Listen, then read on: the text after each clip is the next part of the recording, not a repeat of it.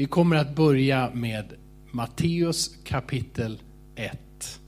Och eh, vi vill läsa Bibeln tillsammans ur eh, Svenska folkbibeln 2015. Välkommen att vara med.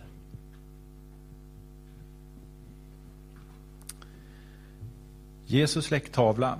Detta är berättelsen om Jesus Kristus, Davids son, Abrahams son. Abraham födde Isak, Isak födde Jakob, Jakob födde Juda och hans bröder. Juda födde Peres och Sara, och Tamar var deras mor. Peres födde Hesron, Hesron födde Ram, Ram födde Amni, Aminadab, Aminadab födde Naheson, Naheson födde Salmon, Salmon födde Boas och Rahab var hans mor. Boas födde Obed, vars mor var Rut. Obed födde Isai och Isai födde David, kungen. David födde Salomo, vars mor var Urias hustru. Salomo födde Rehabiam. Rehabiam födde Abia, Abia födde Asa, Asa födde Josafat, Josafat födde Joram, Joram födde Ussia.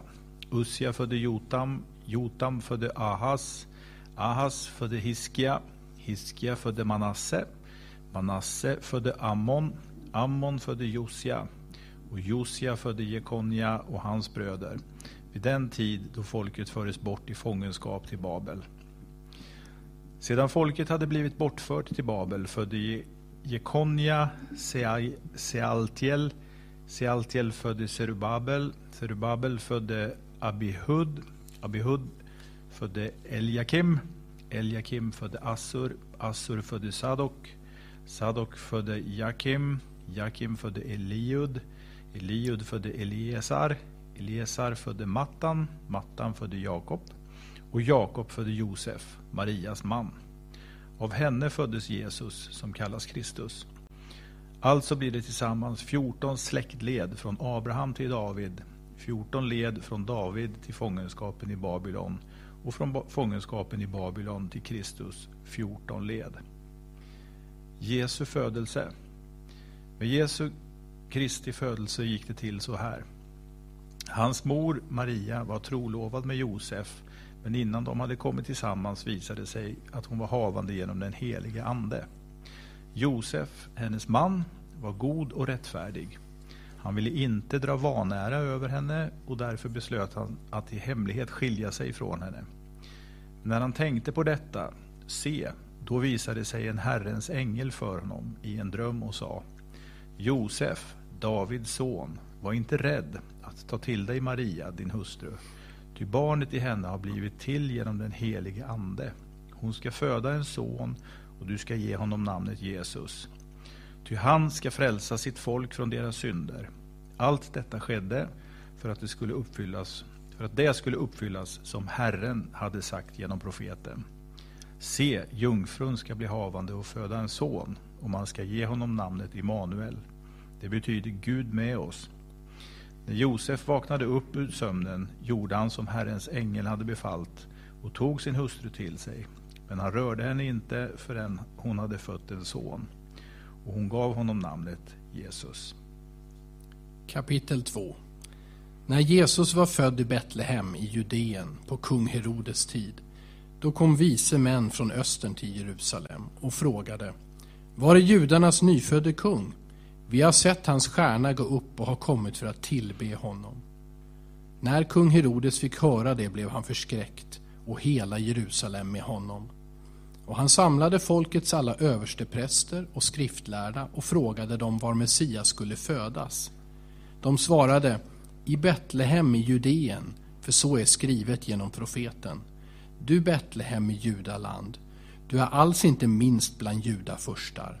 För från dig ska utgå en furste som ska vara en herde för mitt folk Israel.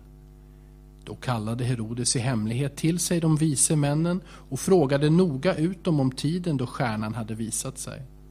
Sedan skickade han dem till Betlehem och sa Gå och sök noga efter barnet. När ni har funnit det, meddela då mig så att också jag kan komma och tillbe det. De lyssnade till kungen och gav sig iväg.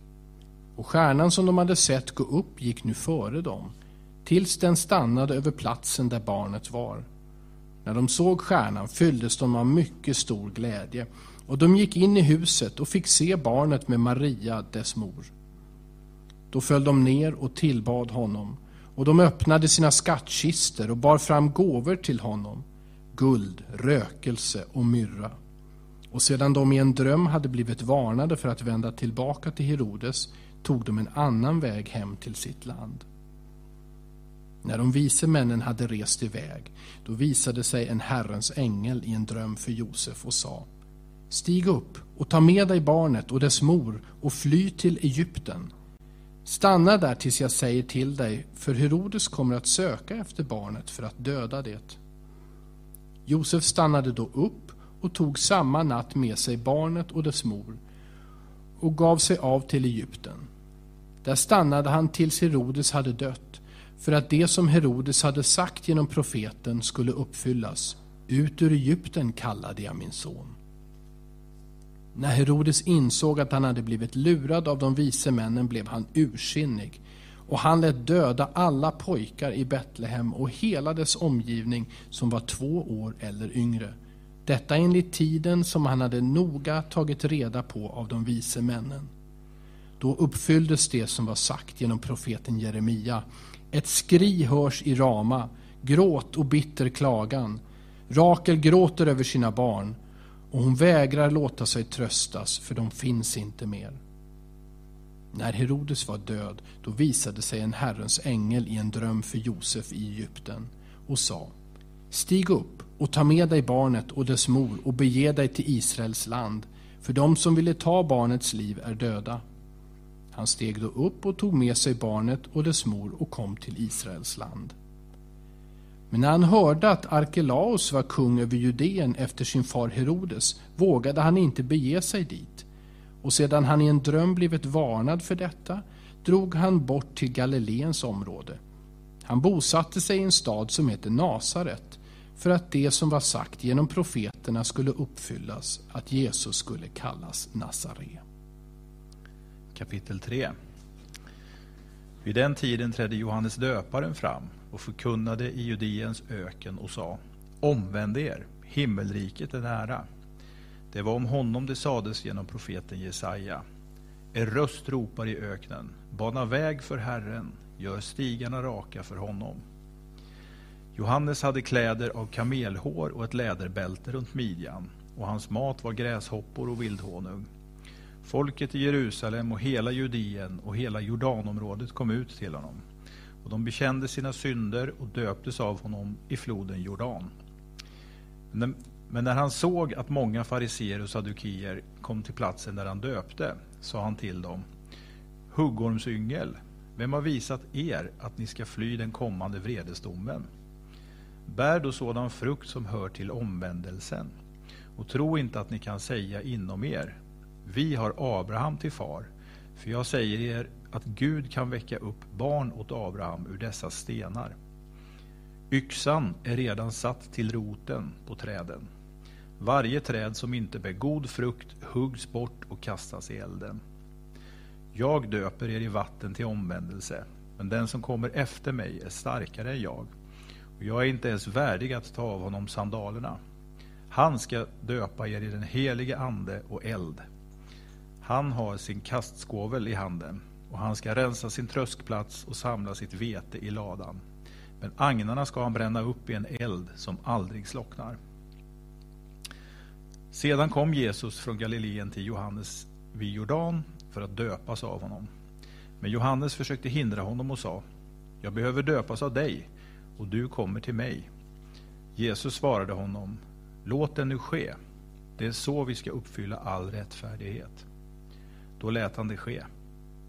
När Jesus hade blivit döpt steg han genast upp ur vattnet. Då öppnades himlen och han såg Guds ande sänka sig ner som en duva och komma över honom. Och en röst från himlen sa, han är min älskade son, i honom har jag min glädje. Kapitel 4 Sedan fördes Jesus av anden ut i öknen för att frestas av djävulen. När han hade fastat i 40 dagar och 40 nätter blev han till slut hungrig. Då kom frestaren fram och sade till honom Om du är Guds son, så befall att de här stenarna blir bröd. Jesus svarade Det står skrivet Människan lever inte bara av bröd utan av varje ord som utgår från Guds mun. Då tog djävulen med honom till den heliga staden och ställde honom på tempelmurens krön och sa om du är Guds son, så kasta dig ner. Det står ju skrivet han ska befalla sina änglar och de ska bära dig på sina händer så att du inte stöter din fot mot någon sten. Jesus sa till honom Det står också skrivet Du ska inte fresta Herren din Gud.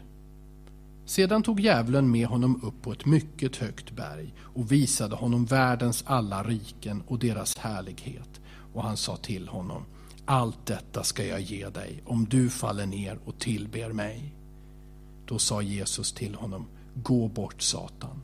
Det står skrivet, Herren din Gud ska du tillbe och endast honom ska du tjäna.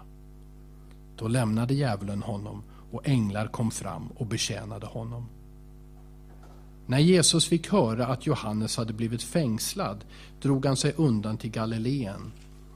Han lämnade Nasaret och bosatte sig i Kapernaum som ligger vid sjön på Sebulons och Naftalis område för att det som var sagt genom profeten Jesaja skulle uppfyllas. Sebulons och Naftalis land, havsvägen, landet på andra sidan Jordan, hedningarnas Galileen.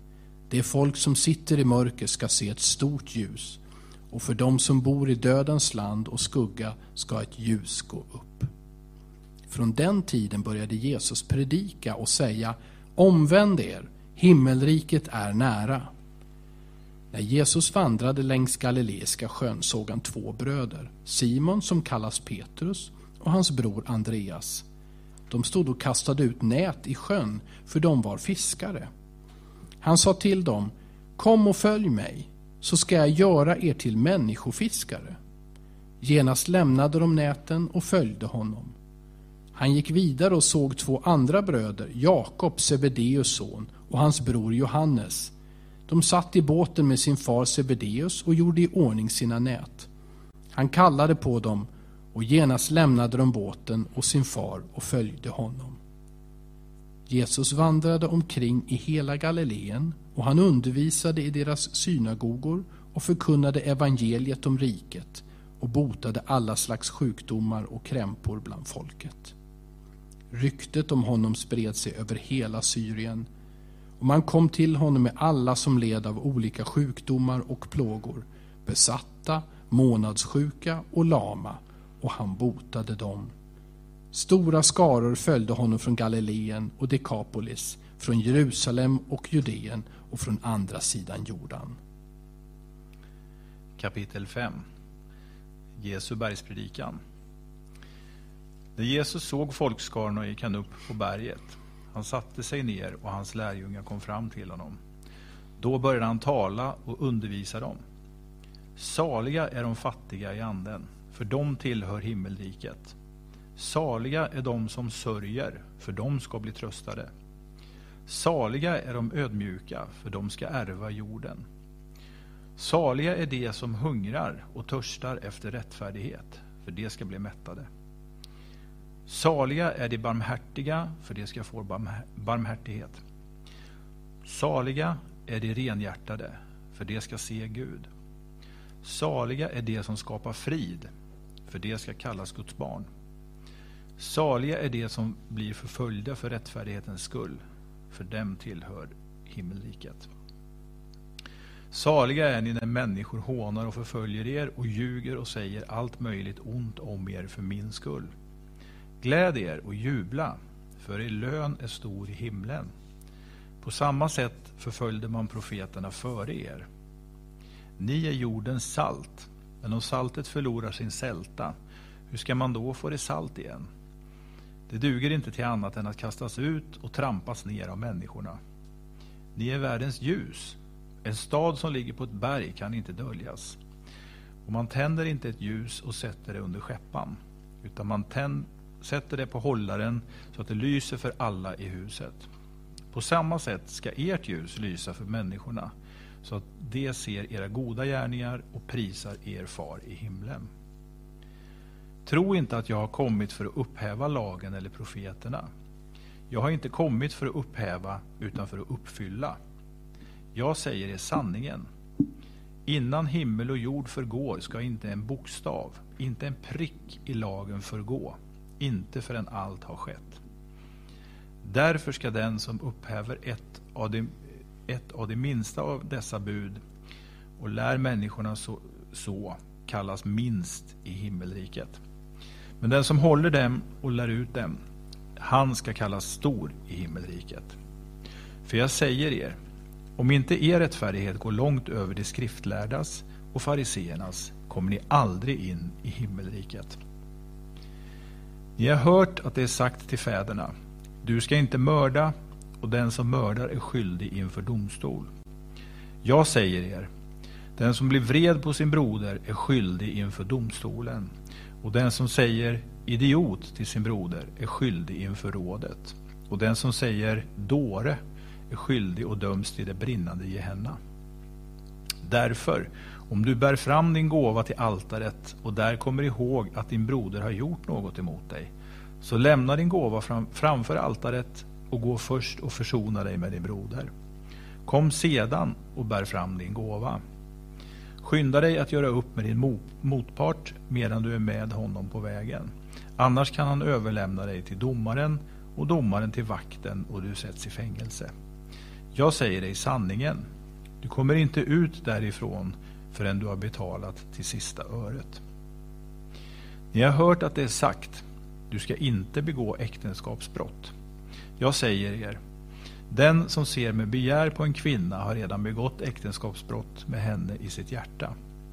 Om ditt högra öga förleder dig till synd, så riv ut det och kasta det ifrån dig. Det är bättre för, för dig att en del av din kropp går förlorad än att hela din kropp kastas i henne. Och om din högra hand förleder dig till synd, så hugg av den och kasta den ifrån dig. Det är bättre för dig att en del av din kropp går förlorad än att hela din kropp hamnar i henne. Det är sagt, den som skiljer sig från sin hustru ska ge henne skilsmässobrev. Jag säger er, den som skiljer sig från sin hustru av annat skäl än sexuell synd, han blir orsak till att äktenskapsbrott begås med henne. Och den som gifter sig med en frånskild kvinna begår äktenskapsbrott. Ni har också hört att det är sagt till fäderna, du ska inte svära falskt och du ska hålla din ed inför Herren. Jag säger er, ni ska inte svära alls, varken vid himlen, för den är Guds tron, eller vid jorden, för den är pallen för hans fötter, eller vid Jerusalem, för det är den store kungens stad. Du ska inte heller svära vid ditt huvud, för du kan inte göra ett enda hårstrå vitt eller svart. Ert ord ska vara ja eller nej. Allt därutöver kommer från den onde. Ni har hört att det är sagt, öga för öga och tand för tand. Jag säger er, stå inte emot den som är ond. Om någon slår dig på högra kinden, vänd då också andra kinden mot honom. Om någon vill dra dig inför rätta och ta din tunika, så låt honom få manteln också. Om någon tvingar dig att gå med en, att gå med en mil, så gå två mil med honom.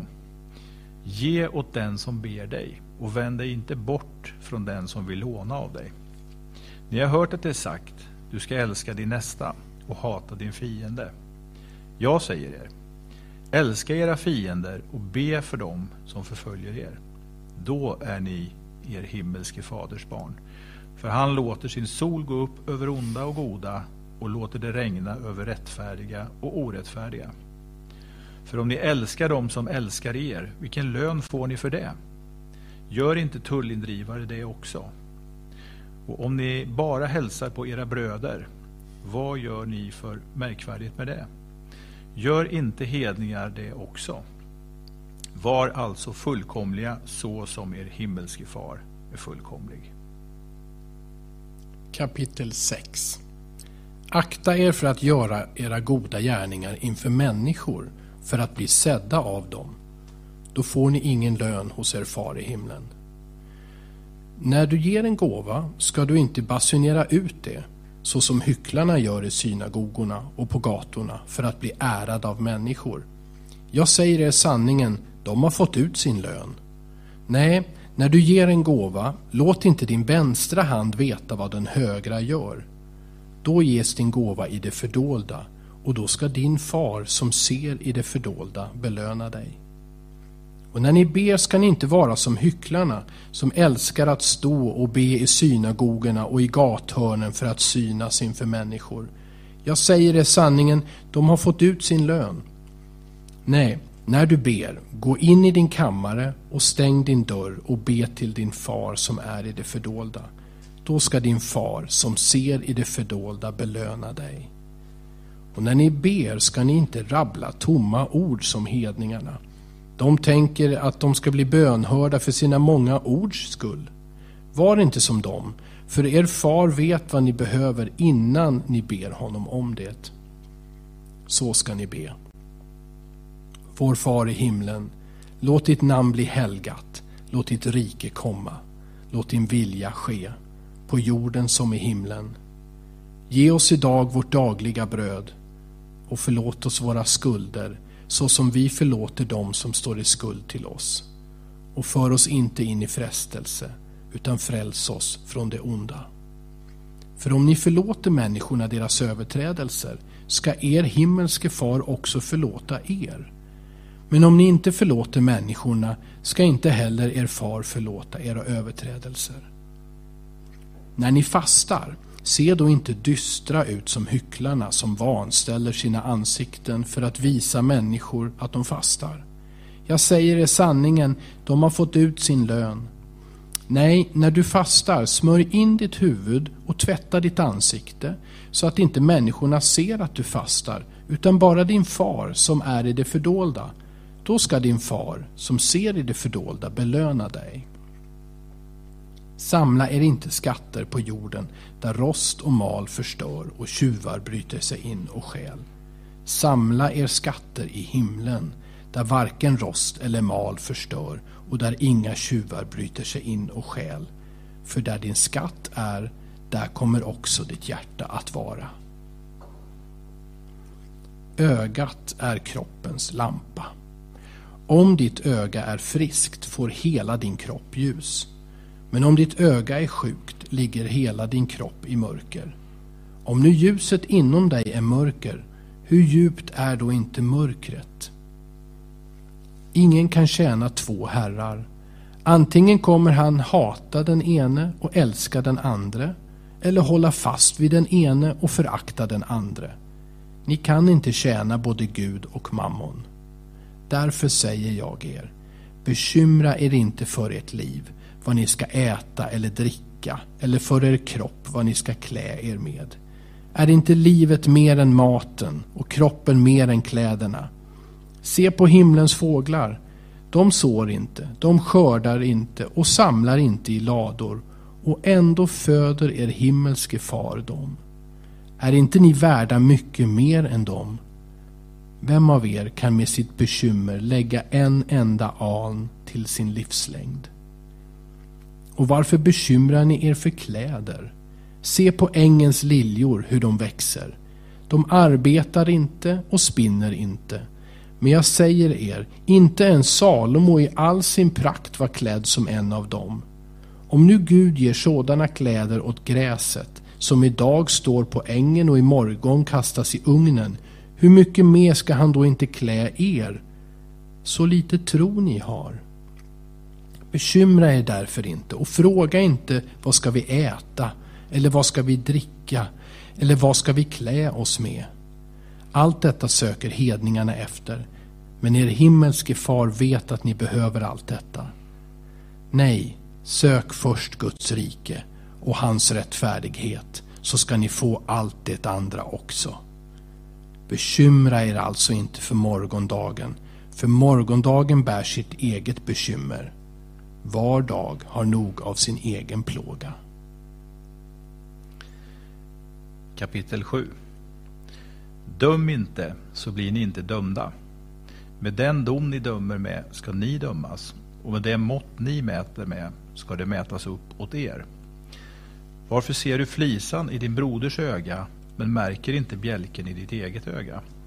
Och hur kan du säga till din broder Låt mig ta bort flisan ur ditt öga när du har en bjälke i ditt eget öga? Hycklare!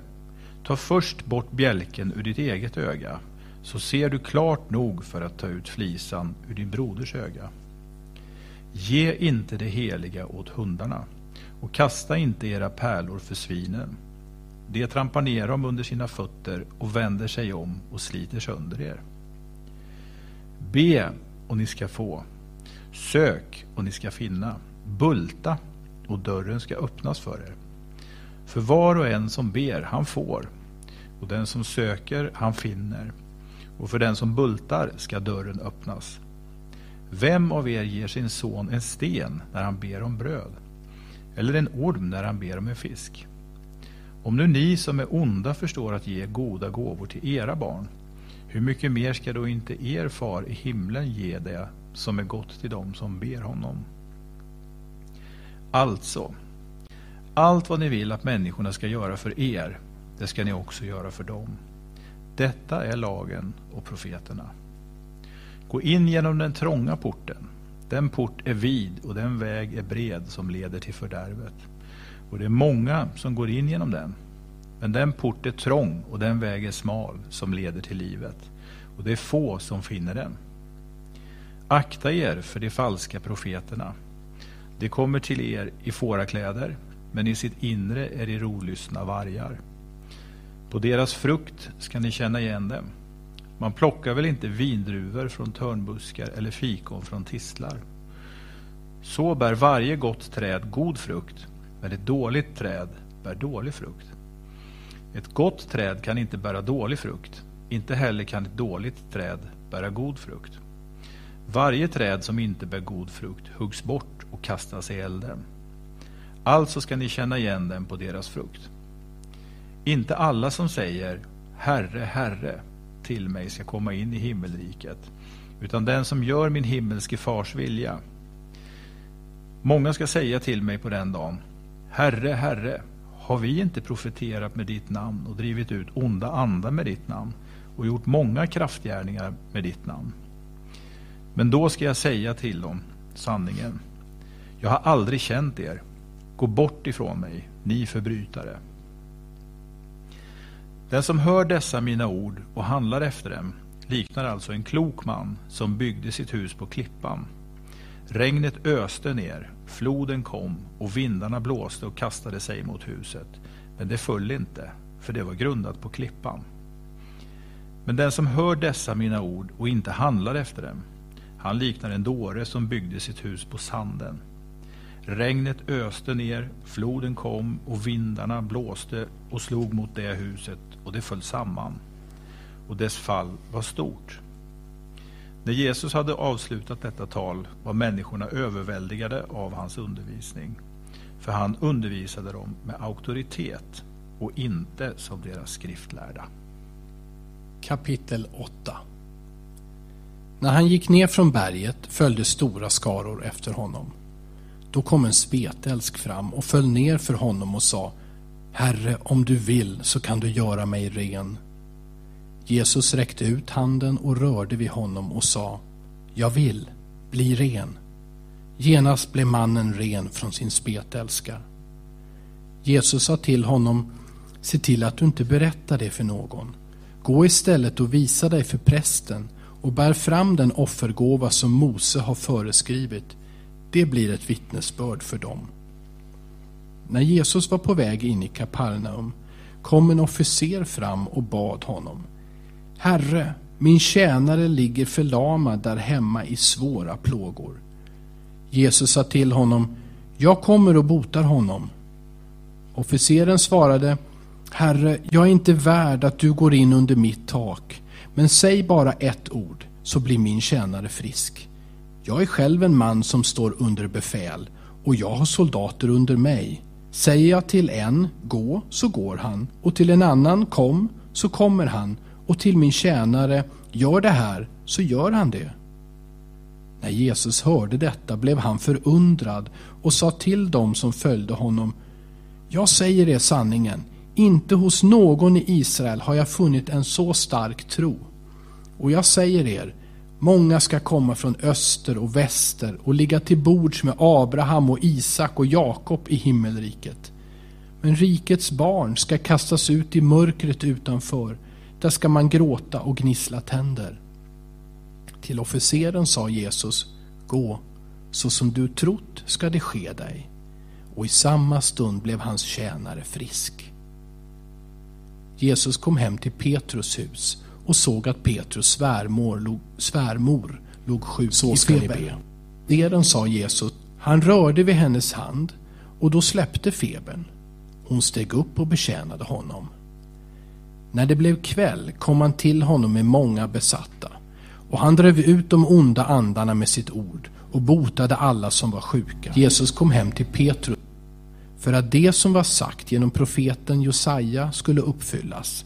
Han tog på sig våra svagheter och bar våra sjukdomar. När Jesus såg att, de samlade, att det samlades så mycket folk omkring honom befallde han att man skulle ta sig över till andra sidan sjön. Då kom en skriftlärd fram och sa till honom Mästare, jag vill följa dig vart du än går. Jesus sa till honom Rävarna har lyor och himlens fåglar har bon, men Människosonen har ingenstans att vila sitt huvud. En annan av hans lärjungar sa till honom Herre, låt mig först gå bort och begrava min far. Jesus svarade Följ mig och låt de döda begrava sina döda. Jesus steg i båten och hans lärjungar följde med honom. Då blåste det upp till full storm på sjön så att vågorna slog upp över båten. Men han sov. De kom, fram, de kom då fram och väckte honom och sa Herre, rädda oss, vi går under. Han sa till dem Varför är ni rädda? Så lite tro ni har. Sedan reste han sig och talade strängt till vindarna och sjön och det blev alldeles stilla. Männen häpnade och sade, vem är han? Till och med vindarna och sjön lyder ju honom. När Jesus kom över till Gadarenas område på andra sidan sjön möttes han av två besatta som kom ut från gravarna. De var så våldsamma att ingen kunde ta sig förbi den vägen. Nu skrek de, vad har du med oss att göra, du Guds son? Har du kommit hit för att plåga oss i förtid? En bit därifrån gick en stor svinjord och betade. De onda andarna bad honom, om du driver ut oss, skicka då in oss i svinjorden. Han sa till dem, far iväg. Då kom andarna ut och for in i svinen och hela jorden rusade ut för branten ner i sjön och omkom i vattnet. De som vaktade dem flydde in i staden och berättade allt, också om de besatta. Då gick hela stan ut för att möta Jesus och när de fick se honom bad de att han skulle lämna deras område. Kapitel 9 Jesus steg i båten och for över sjön och kom till sin egen stad. Där kom några till honom med en förlamad man som låg på en bädd. Jesus såg deras tro och sa till den lame, Var lugn mitt barn, dina synder är förlåtna. Några skriftlärda tänkte inom sig, han hädar. Jesus såg deras tankar och sa, Varför tänker ni så ont i era hjärtan? Vad är lättast att säga? Dina synder är förlåtna, eller att säga, Res dig och gå. Men för att ni ska veta att Människosonen har makt på jorden att förlåta synder, säger jag dig. Och nu talar han till den lame. Res dig, ta din bädd och gå hem. Då reste sig mannen upp och gick hem. När folket såg det greps de av fruktan och prisade Gud som hade gett sån makt åt människor. Jesus gick vidare därifrån och såg en man som hette Matteus sitta vid tullhuset. Han sa till honom, följ mig. Då reste sig Matteus och följde honom. När Jesus sedan var gäst i hans hem kom många tullindrivare och syndare och låg till bords tillsammans med Jesus och hans lärjungar. Fariseerna fick se det och frågade hans lärjungar. Varför äter er mästare med tullindrivare och syndare? Jesus hörde det och sa. Det är inte de friska som behöver läkare, utan de sjuka. Gå och lär er vad detta betyder. Jag vill se barmhärtighet och inte offer. Jag har inte kommit för att kalla rättfärdiga, utan syndare. Sen kom Johannes lärjungar fram till honom och frågade Varför fastar inte dina lärjungar när vi och fariseerna fastar? Jesus svarade dem Bröllopsgästerna kan väl inte sörja medan brudgummen är hos dem? Men det ska komma dagar när brudgubben tas ifrån dem och då kommer de att fasta. Ingen sätter en lapp av okrympt tyg på en gammal mantel. I så fall river lappen bort ännu mer av manteln och revan blir värre. Och man häller inte nytt vin i gamla säckar. I så fall sprängs säckarna och vinet rinner ut och säckarna förstörs. Nej, nytt vin häller man i nya säckar. Då bevaras både vin och säckar. Medan Jesus talade till dem kom en synagogsföreståndare och föll ner för honom och sa Min dotter har just dött. Men kom och lägg din hand på henne så får hon liv igen. Då reste sig Jesus och följde med honom tillsammans med sina lärjungar. Plötsligt kom en kvinna som hade haft blödningar i tolv år. Hon närmade sig Jesus bakifrån och rörde vid hörntofsen på hans mantel. För hon tänkte, om jag så bara får röra vid hans mantel blir jag frisk. Jesus vände sig om och såg henne och han sa Var lugn min dotter, din tro har frälst dig. Och från den stunden var kvinnan frisk. När Jesus kom fram till synagogföreståndarens hus och såg flöjtblåsarna och den upprörda folkskaran sa han Gå härifrån, flickan är inte död, hon sover. Då hånskrattade de åt honom. Men när folket hade skickats ut gick han in och tog flickans hand och hon reste sig. Ryktet om detta gick ut i hela det området. När Jesus gick vidare därifrån följde två blinda efter honom och ropade Förbarma dig över oss, Davids son. Och när han hade kommit hem gick de fram till honom. Jesus frågade dem Tror ni att jag kan göra detta? De svarade Ja, Herre. Då rörde han vid deras ögon och sa Så som ni tror, ska, eh, så som ni tror det ska ske för er. Och deras ögon öppnades. Jesus sa strängt till dem Se till att ingen får veta det. Men de gick ut och spred ut ryktet om honom i hela det området. Medan de var på väg ut kom folk till honom med en man som var besatt och stum. När den onda anden var utdriven talade den stumme och folket häpnade och sa Aldrig har man sett något sånt i Israel. Men fariseerna sa Det är med hjälp av de onda andarnas furste som han driver ut andarna. Jesus gick omkring i alla städerna och byarna och han undervisade i deras synagogor och förkunnade evangeliet om riket och botade alla slags sjukdomar och krämpor. När han såg folkskarorna förbarmade han sig över dem, för de var härjade och hjälplösa som får utan herde. Och han sa till sina lärjungar, skörden är stor, men arbetarna är få. Be därför skördens Herre att han skickar ut arbetare till sin skörd. Kapitel 10 Jesus kallade till sig tolv lärjungar och gav dem makt att driva ut orena andar och att bota alla slags sjukdomar och krämpor. Detta är namnen på de tolv apostlarna. Först Simon, som kallas Petrus, och hans bror Andreas. Sedan Jakob, Sebedeus son, och hans bror Johannes. Filippus och Bartolomeus, Thomas och tullindrivaren Matteus, Jakob Alfeus son och Taddeus, Simon Seloten och Judas Iskariot, han som skulle förråda honom. Dessa tolv sände Jesus ut och han befallde dem Gå inte bort till hedningarnas område eller in i någon samarisk stad. Gå istället till de förlorade fåren av Israels hus. Där ni går fram ska ni predika. Himmelriket är nära. Bota sjuka, uppväck döda, gör spetälska rena och driv ut onda andar. Det ni har fått som gåva ska ni ge som gåva. Skaffa er inte guld, silver eller koppar i era bälten, inte väska för resan, inte två tunikor eller sandaler eller stav, för arbetaren är värd sin mat. När ni kommer in i en stad eller by, ta då reda på vem som är värdig och stanna där tills ni går vidare. Och när ni kommer in i ett hus, så hälsa det. Om huset är värdigt ska er frid vila över det. Men är det inte värdigt ska er frid återvända till er. Om man inte tar emot er eller lyssnar till era ord, så lämna det huset och den staden och skaka av dammet från era fötter.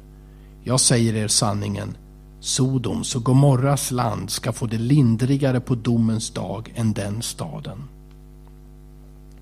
Se, jag sänder er som får in bland vargar. Var därför listiga som ormar och oskyldiga som duvor. Akta er för människorna. De ska utlämna er åt domstolar och piska er i sina synagogor. Ni ska föras inför ståthållare och kungar för min skull, för att vittna inför dem och hedningarna. Men när de utlämnar er, bekymra er då inte för hur ni ska tala eller vad ni ska säga. Det kommer att ges åt er i den stunden. Och då är det inte ni som talar, utan ers fars ande som talar genom er. En bror ska utlämna sin bror till att dödas och en far sitt barn. Och barn ska göra uppror mot sina föräldrar och döda dem. Ni kommer att bli hatade av alla för mitt namns skull. Men den som håller ut till slutet ska bli frälst. Och när man förföljer er i en stad, så fly till en annan. Jag säger er sanningen, ni hinner inte igenom Israels städer innan Människosonen kommer. En lärjunge står inte över sin lärare och en tjänare inte över sin herre. Det räcker för lärjungen att bli som sin lärare och för tjänaren att bli som sin herre. Om husets herre blir kallad för Belsebul, hur mycket mer ska då inte hans tjänare bli det? Var alltså inte rädda för dem. Det finns inget dolt som inte ska uppenbaras och inget gömt som inte ska bli känt. Vad jag säger till er i mörkret ska ni säga i ljuset och vad ni hör viskas i ert öra ska ni ropa ut på taken. Var inte rädda för dem som dödar kroppen men inte kan döda själen. Frukta istället honom som kan fördärva både själ och kropp i Gehenna. Säljs inte två sparvar för ett kopparmynt. Ändå faller inte en enda av dem till marken utan er far. Och på er är till och med alla hårstrån räknade. Var alltså inte rädda, ni är mer värda än många sparvar. Den som bekänner mig inför människorna ska också jag bekänna inför min far i himlen. Men den som förnekar mig inför människorna ska också jag förneka inför min far i himlen. Tro inte att jag kommit för att skapa fred på jorden. Jag har inte kommit för att sända fred utan svärd. Jag har kommit för att skilja en son från sin far, en dotter från sin mor och en sonhustru från sin svärmor och var och en får sin familj till fiender. Den som älskar far eller mor mer än mig är inte värdig mig och den som älskar son eller dotter mer än mig är inte värdig mig. Den som inte tar sitt kors och följer mig är inte värdig mig. Den som finner sitt liv ska mista det och den som mister sitt liv för min skull ska finna det. Den som tar emot er tar emot mig och den som tar emot mig tar emot honom som har sänt mig. Den som tar emot en profet för att det är en profet ska få en profets lön. Och den som tar emot en rättfärdig för att det är en rättfärdig ska få en rättfärdigs lön. Och den som bara ger till en av dessa små en bägare friskt vatten därför att det är en lärjunge, jag säger er sanningen, han ska inte gå miste om sin lön. Kapitel 11 När Jesus hade gett sina tolv lärjungar alla dessa instruktioner gick han därifrån för att undervisa och predika i deras städer. Johannes fick i fängelse höra talas om Kristi gärningar. Han sände då bud med sina lärjungar och frågade honom Är du den som skulle komma? Eller ska vi vänta på någon annan? Jesus svarade dem Gå och berätta för Johannes vad ni hör och ser. Blinda ser, lama går, spetälska blir rena, döva hör, döda uppstår och fattiga får höra glädjens budskap. Salig är den som inte tar anstöt av mig. När de hade gått började Jesus tala till folket om Johannes. Vad gick ni ut i öknen för att se? Ett strå som vajar för vinden? Om inte, vad gick ni ut för att se? En man klädd i fina kläder? Nej, det som har fina, det som har fina kläder finns i kungapalatsen. Så vad gick ni ut för att se? En profet? Ja, jag säger er, en som är mer än profet. Det är om honom det står skrivet. Se, jag sänder min budbärare framför dig och han ska bereda vägen för dig. Jag säger er sanningen. Bland dem som fötts av kvinnor har ingen trätt fram som är större än Johannes döparen. Men den minste i himmelriket är större än han. Och från Johannes döparens dagar ända till nu är himmelriket utsatt för våld och våldsmän förtrycker det. Alla profeterna och lagen har profeterna fram till Johannes. Om ni vill ta emot det. Han är den Elia som skulle komma. Hör, du som har öron. Vad ska jag likna det här släktet vid? Det liknar barn som sitter på torgen och ropar till andra barn. Vi spelade flöjt för er, men ni dansade inte. Vi sjöng sorgesång, men ni grät inte. Johannes kom och han varken åt eller drack och då säger man, han har en ond ande. Människosonen kom och han äter och dricker och då säger man, se vilken frostar, frossare och drinkare, en vän till tullindrivare och syndare. Men visheten har han fått av sina barn. Har fått rätt av sina barn. Jesus började ge, sedan började Jesus gå till rätta med de städer där han hade gjort så många av sina kraftgärningar eftersom de inte hade omvänt sig. Ve dig Korasin, ve dig Betsaida, för om kraftgärningarna som gjorts hos er hade gjorts i Tyros och Sidon skulle de för länge sedan ha omvänt sig i säck och aska. Jag säger er, Tyros och Sidon ska få det lindrigare på domens dag än ni. Och du, Kapernaum, ska du kanske bli upphöjd till himlen? Nej, du ska ner i helvetet.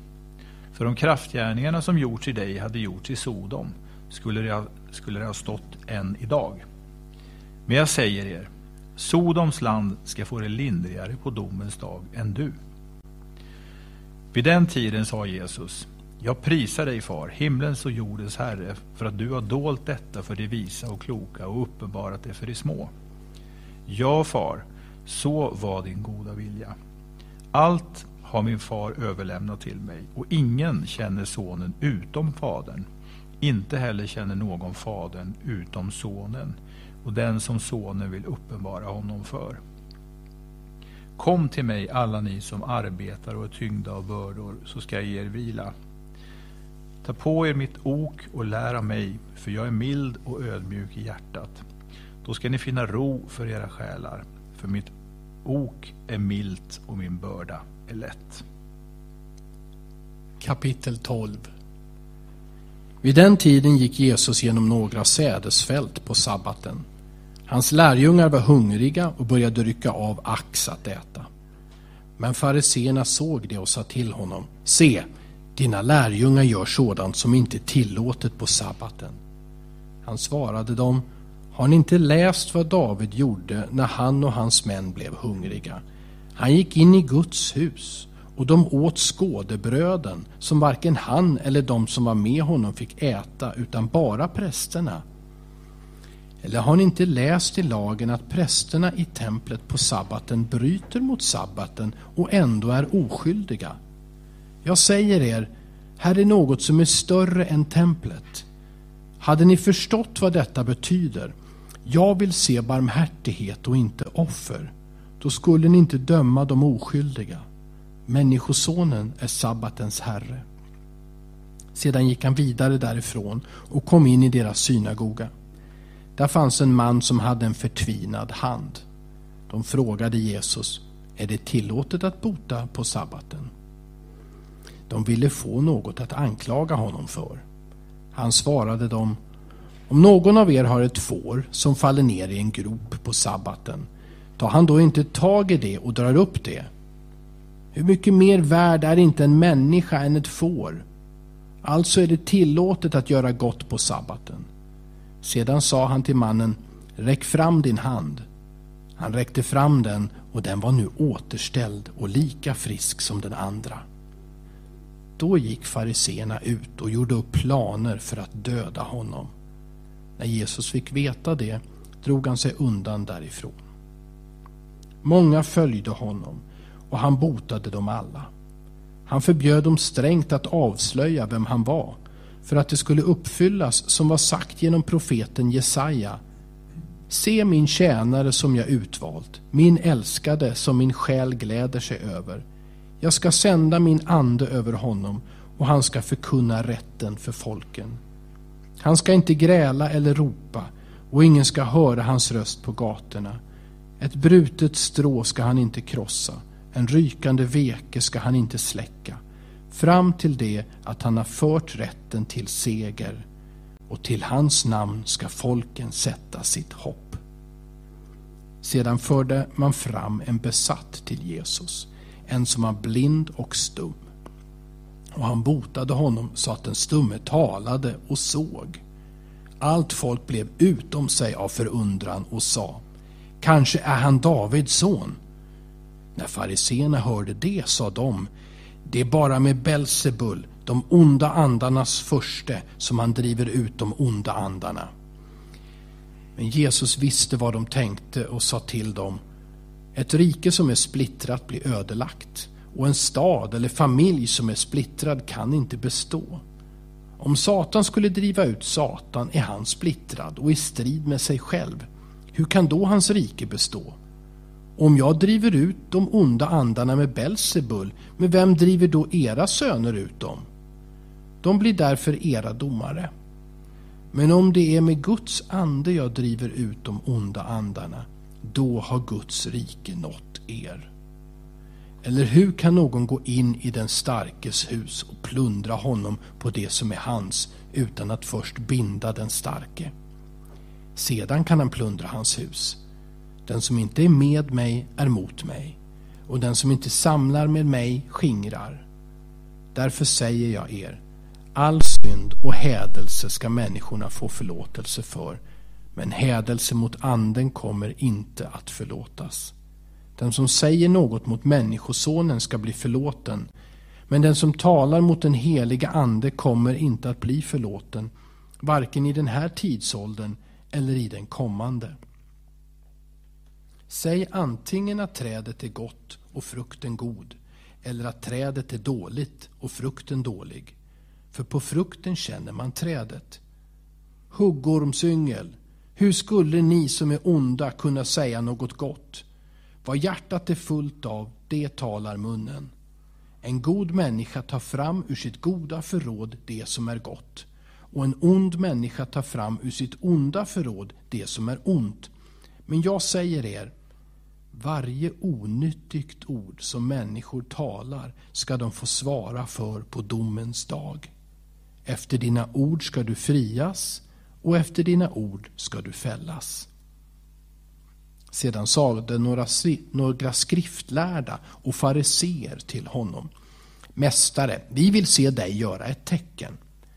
Han svarade dem, ett ont och trolöst släkte söker ett tecken. Men det ska inte få något annat tecken än profeten Jonas tecken. För liksom Jona var i den stora fiskens buk i tre dagar och tre nätter, så ska Människosonen vara i jordens inre i tre dagar och tre nätter. Nineves män ska vid domen uppstå med det här släktet och bli deras dom. De omvände sig vid Jonas predikan och här är något som är större än Jona. Söderns drottning ska vid domen uppstå med det här släktet och bli deras dom. Hon kom från jordens ände för att lyssna till Salomos vishet. Och här är något som är större än Salomo.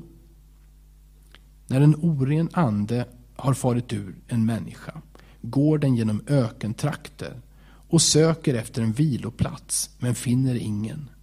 Då säger den, jag vänder tillbaka till mitt hus som jag lämnade. När den kommer och finner det ledigt och städat och snyggt går den och hämtar sju andra andar som är ännu värre och de går in och bosätter sig där. För den människan blir slutet värre än början. Så kommer det också att bli för det här onda släktet. Medan Jesus ännu talade till folket stod hans mor och hans bröder utanför och ville tala med honom. Någon sa till honom, din mor och dina bröder står här utanför och vill tala med dig.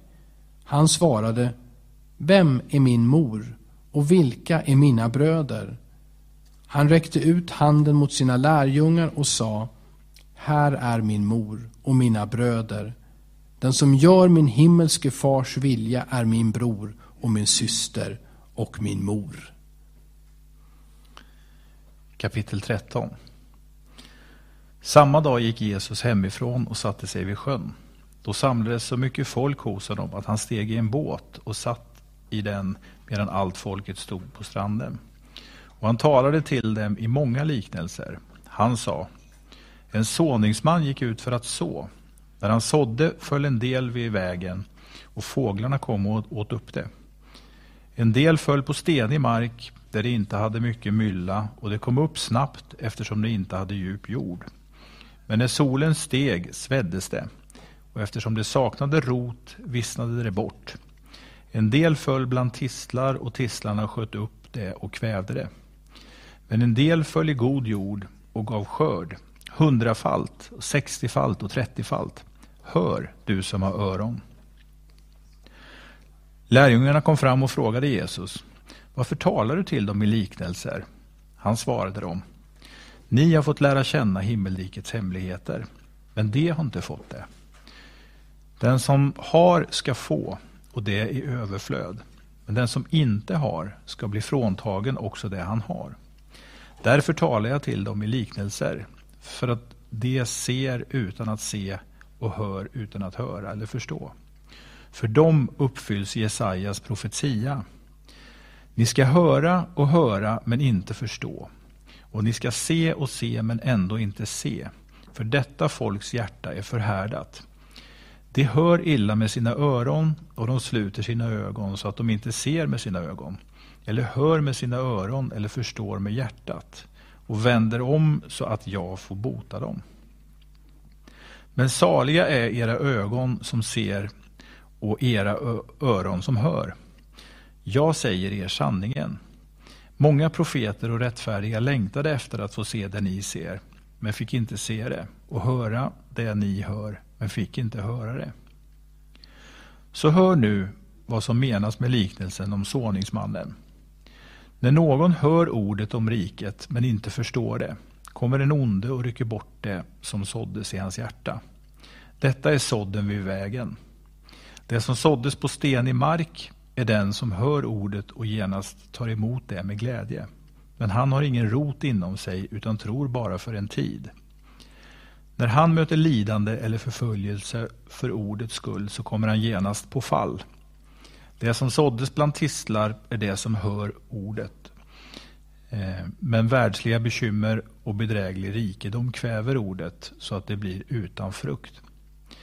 Men det som såddes i god jord, det är den som hör ordet och förstår och bär frukt hundrafalt och sextiofalt och trettiofalt. Han la fram en annan liknelse för dem. Himmelriket är som en man som sådde god säd i sin åker. Medan, men medan folket sov kom hans fiende och sådde ogräs mitt bland vetet och gick sedan sin väg. När säden växte upp och gick i ax visade sig också ogräset. Då gick tjänarna till sin herre och sa Herre, visst sådde du god säd i din åker. Varifrån kommer då ogräset? Han svarade Detta har en fiende gjort. Tjänarna frågade honom Vill du att vi ska gå och samla ihop det? Nej, svarade han. Då kan ni rycka upp vetet samtidigt som ni rensar ut ogräset. Låt båda växa tillsammans fram till skörden. När skördetiden är inne ska jag säga till skördemännen, samla först ihop ogräset och bind det i knippen för att brännas, men vetet ska ni samla in i min lada. Han la fram en annan liknelse för dem. Himmelriket är som ett senapskorn som en man tar och sår i sin åker. Det är minst av alla frön, men när det har växt upp så är det störst av alla köksväxter och blir ett träd så att himlens fåglar kommer och bygger bo bland grenarna. Ännu en liknelse gav han dem. Himmelriket är som en surdeg som en kvinna tar och blandar in i tre mått mjöl tillsammans. Allt sammans blir syrat. Allt detta talade Jesus till folket i liknelser. Han talade bara i liknelser till dem för att det skulle uppfyllas som var sagt genom profeten. Jag vill öppna min mun för att tala i liknelser, förkunna vad som varit dolt sedan världens skapelse. Sedan lämnade Jesus folket och gick hem. Hans lärjungar kom då fram till honom och sa Förklara dina liknelser om ogräset i åkern för oss. Han svarade Den som sår den goda säden är Människosonen. Åkern är världen. Den goda säden är rikets barn och ogräset är den ondes barn. Fienden som sådde det är djävulen. Skörden är tidens slut och skördemännen är änglar. Som när ogräset samlas ihop och bränns upp i eld ska det bli vid tidens slut. Människosonen ska sända ut sina änglar och de ska samla ihop ur hans rike allt som förleder och alla som gör orätt och kasta dem i den brinnande ugnen. Där ska man gråta och gnissla tänder. Då ska de rättfärdiga lysa som solen i sin fars rike. Hör du som har öron. Himmelriket är som en skatt som ligger gömd i en åker. En man finner den och gömmer den igen och i sin glädje går han och säljer allt han äger och köper den åkern. Himmelriket är också som en köpman som, köp, som sökte efter fina pärlor. När han fann en mycket dyrbar pärla gick han och sålde allt han ägde och köpte den. Himmelriket är också som ett nät som kastas i sjön och fångar fisk av alla de slag. När det blir fullt drar man upp det på stranden och sätter sig och samlar de goda fiskarna i kärl, men de dåliga kastar man bort. Så ska det vara vid tidens slut. Änglarna ska gå ut och skilja de onda från de rättfärdiga och kasta dem i den brinnande ugnen. Där ska man gråta och gnissla tänder. Har ni förstått allt detta? De svarade honom, ja. Då sa han till dem, Därför är varje skriftlärd som har blivit en himmelrikets lärjunge som en husbonde som ur sitt förråd hämtar fram både nytt och gammalt. När Jesus hade avslutat dessa liknelser gick han därifrån. Han kom till sin hemstad och undervisade dem i deras synagoga, och de blev häpna och sa var får han den visheten och kraftgärningarna ifrån? Är det inte snickarens son? Heter inte hans mor Maria och hans bröder Jakob och Josef och Simon och Judas? Och bor inte alla hans systrar här hos oss? Så varifrån får han allt detta? Och de tog anstöt av honom. Men Jesus sa till dem, en profet föraktas inte utom i sin hemstad och i sin egen familj. Och han gjorde inte många kraftgärningar där eftersom de inte trodde på honom.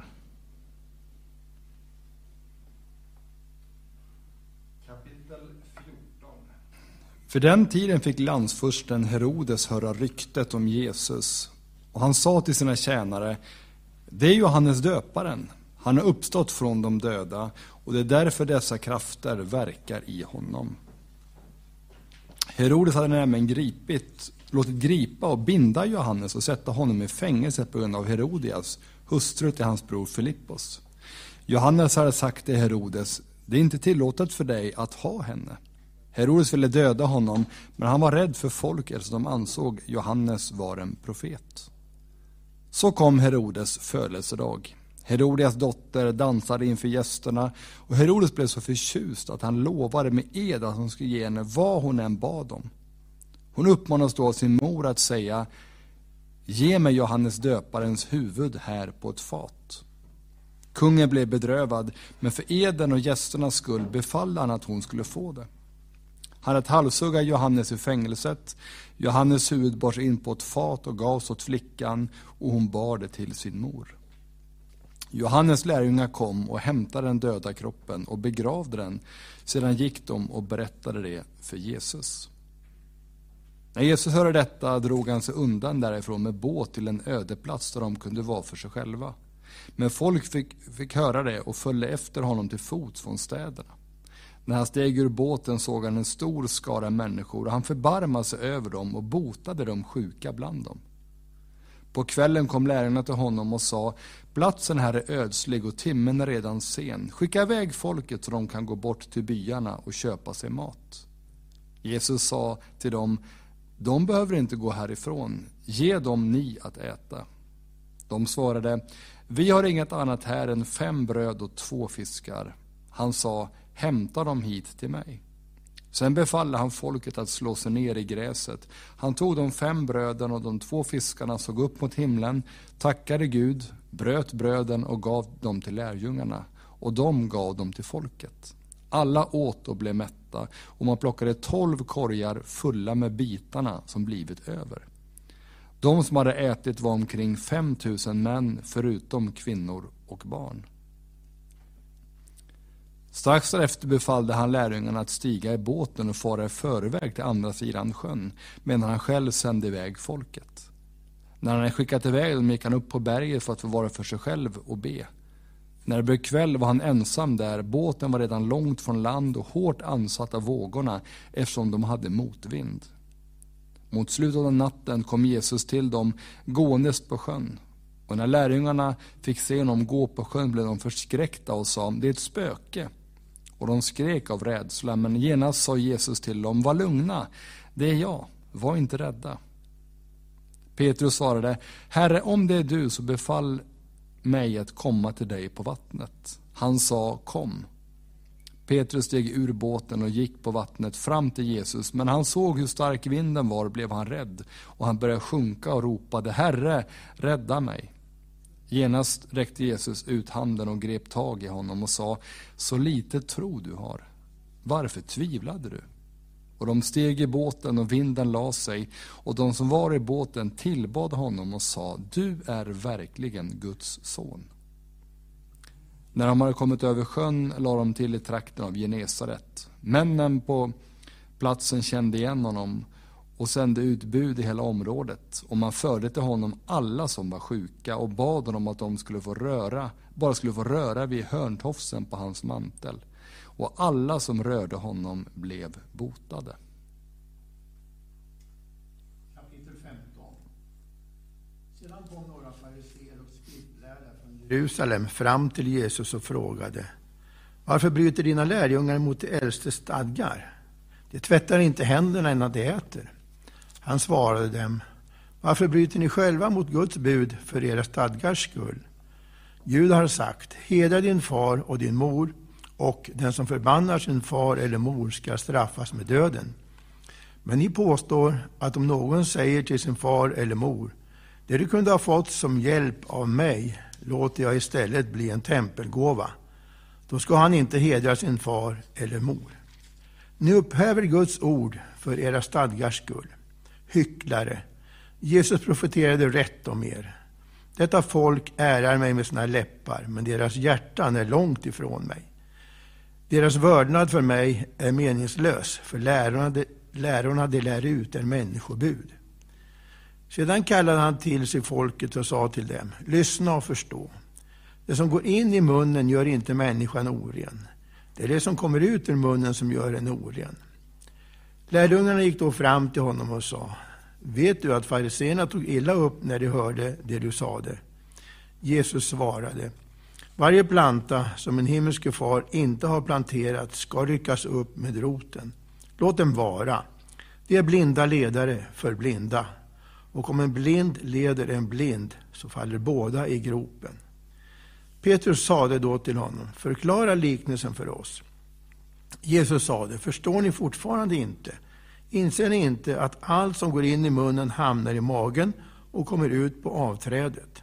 Men det som går ut ur munnen kommer från hjärtat och det gör människan oren. För från hjärtat kommer onda tankar, mord, äktenskapsbrott, sexuell omoral, stöld, falskt vittnesbörd och hädelser. Sådant gör människan oren. Men att äta utan att tvätta händerna gör inte människan oren. Jesus lämnade platsen och drog sig undan till området runt Tyrus och Sidon. Då kom en kananeisk kvinna från den trakten och ropade Herre Davids son, förbarma dig över mig. Min dotter är svårt besatt. Men han svarade henne inte ett ord. Då gick hans lärjungar fram och bad honom, skicka iväg henne. Hon går ju bakom oss och ropar. Han svarade, jag är inte sänd till andra än till de förlorade fåren av Israels hus. Men hon kom och föll ner för honom och sa, Herre hjälp mig. Han svarade, det är inte rätt att ta brödet från barnen och kasta det åt hundarna. Hon sade, jo, Herre, för också hundarna äter smulorna som faller från deras herrars bord. Då svarade Jesus henne, kvinna din tro är stor. Det ska ske för dig som du vill. Och från den stunden var hennes dotter botad. Jesus gick därifrån och vandrade längs Galileiska sjön och sedan gick han upp på berget och satte sig där. Mycket folk kom till honom och de hade med sig lama, blinda, halta, stumma och många andra som de lade ner vid hans fötter och han botade dem. Och folket förundrades när de såg stumma tala, halta bli friska, lama gå och blinda se. Och de prisade Israels Gud. Jesus kallade till sig sina lärjungar och sa, jag lider med, med folket. Nu har de varit hos mig i tre dagar och de har inget att äta. Jag vill inte skicka hem dem hungriga, för de kan bli utmattade på vägen.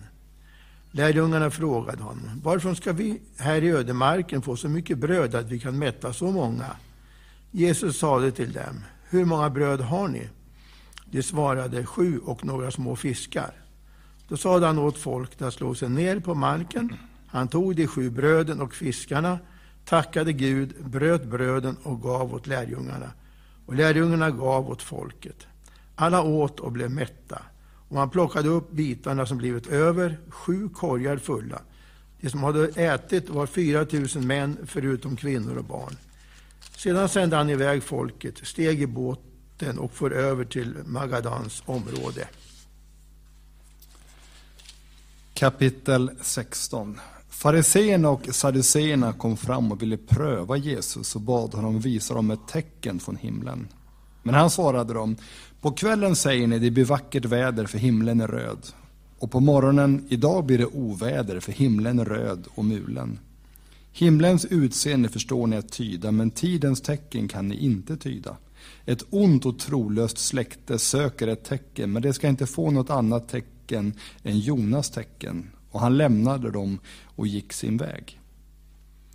När lärarna kom över till andra sidan sjön hade de glömt att ta med sig bröd. Jesus sa till dem, akta er för fariseernas och saduceernas surdeg. De sa till varandra, vi fick ju inte med oss något bröd. Jesus märkte det och frågade, varför säger ni till varandra att ni inte har något bröd? Så lite tro ni har, förstår ni fortfarande inte? Kommer ni inte ihåg de fem bröden till de fem tusen och hur många korgar ni fick? Eller de sju bröden till de fyra tusen och hur många korgar ni fick? Varför förstår ni inte att det, var, att det inte var bröd jag talade om? Akta er för fariseernas och saduceernas surdeg. Då förstod de att han inte talade om att akta sig för surdeg i bröd, utan för fariseernas och saduceernas lära. När de kom till trakten av Caesarea Filippi frågade han sina lärjungar, vem säger människorna att Människosonen är? De svarade, vissa säger Johannes döparen, andra Elia och andra Jeremia eller någon av profeterna. Han sa till dem, och ni, vem säger ni att jag är? Simon Petrus svarade, du är Messias, den levande Gudens son.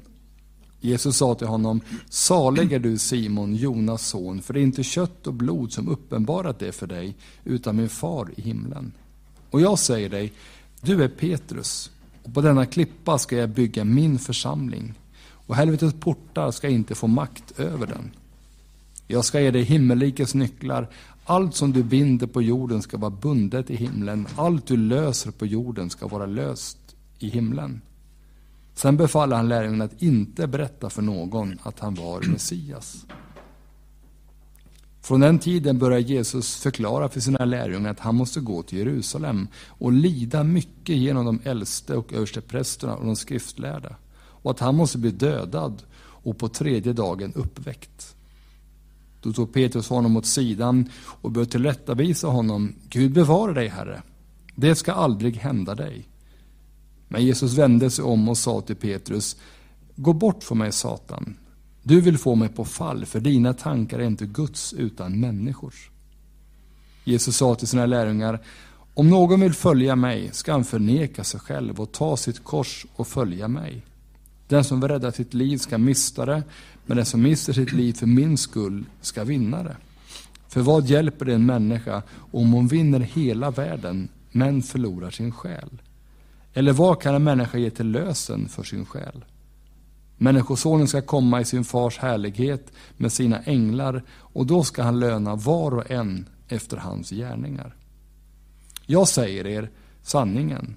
Några av dem som står här ska inte smaka döden förrän de fått se Människosonen komma i sitt rike. Kapitel 17 Sex dagar därefter tog Jesus med sig Petrus, Jakob och hans bror Johannes och förde dem upp på ett högt berg där de var ensamma. Då förvandlades han inför dem. Hans ansikte lyste som solen och hans kläder blev vita som ljuset. Och Mose och Elia visade, för, visade sig för dem och samtalade med honom. Petrus sade till Jesus, Herre, det är gott för oss att vara här. Om du vill ska jag göra tre hyddor här, en åt dig, en åt Mose och en åt Elia. Medan han ännu talade kom ett lysande moln och sänkte sig över dem. Och en röst ur molnet sade, han är min älskade son, i honom har jag min glädje. Lyssna till honom. När lärjungarna hörde det föll de skräckslagna ner på sina ansikten. Men Jesus gick fram och rörde vid dem och sa, res er upp och var inte rädda. Och när de lyfte blicken såg de ingen annan än Jesus. På väg ner från berget befallde Jesus dem. Berätta inte för någon vad ni har sett förrän Människosonen har uppstått från de döda. Lärjungarna frågade honom, varför säger då de skriftlärda att Elia först måste komma? Han svarade, Elia ska komma och återupprätta allt. Men jag säger er, Elia har redan kommit och de kände inte igen honom utan gjorde med honom som de ville. På samma sätt ska också Människosonen lida genom dem. Då förstod lärjungarna att han talade till dem om Johannes döparen. När de sedan kom tillbaka till folket gick en man fram till Jesus och föll på knä för honom och sa Herre, förbarma dig över min son. Han är månadssjuk och svårt plågad. Ofta faller han i elden och ofta i vattnet. Jag tog honom till dina lärjungar, men de kunde inte bota honom. Jesus svarade, detta fördärvade släkte som inte vill tro. Hur länge ska jag vara hos er? Hur länge ska jag stå ut med er? Hämta hit honom till mig. Och Jesus talade strängt till den onde anden och den får ut ur honom. Från den stunden var pojken botad. När lärjungarna hade blivit ensamma med Jesus kom de fram och frågade varför kunde inte vi driva ut den? Han svarade, därför att ni har så lite tro. Jag säger er sanningen. Om ni har tro, bara som ett senapskorn, ska ni säga till det här berget, flytta dig bort och det kommer att flytta sig. Ingenting kommer att vara omöjligt för er.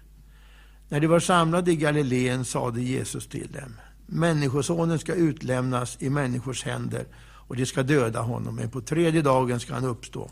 Då blev de djupt bedrövade. När de sedan var framme i Kapernaum kom de som samlade in tempelskatten fram till Petrus och frågade, betalar inte er mästare tempelskatt? Jo då, svarade han. När Petrus kom hem var det Jesus som frågade först, vad tror du Simon? Från vilka tar jordens kungar upp tull och skatt? Från sina söner eller från andra? Han svarade, från andra. Då sade Jesus till honom, alltså är sönerna fria. Men vi ska inte stöta oss med dem, så gå ner till sjön och kasta ut en krok. Ta sedan den första fisken du får upp och öppna munnen på den. Då hittar du ett silvermynt. Ta det och ge det dem för mig och dig.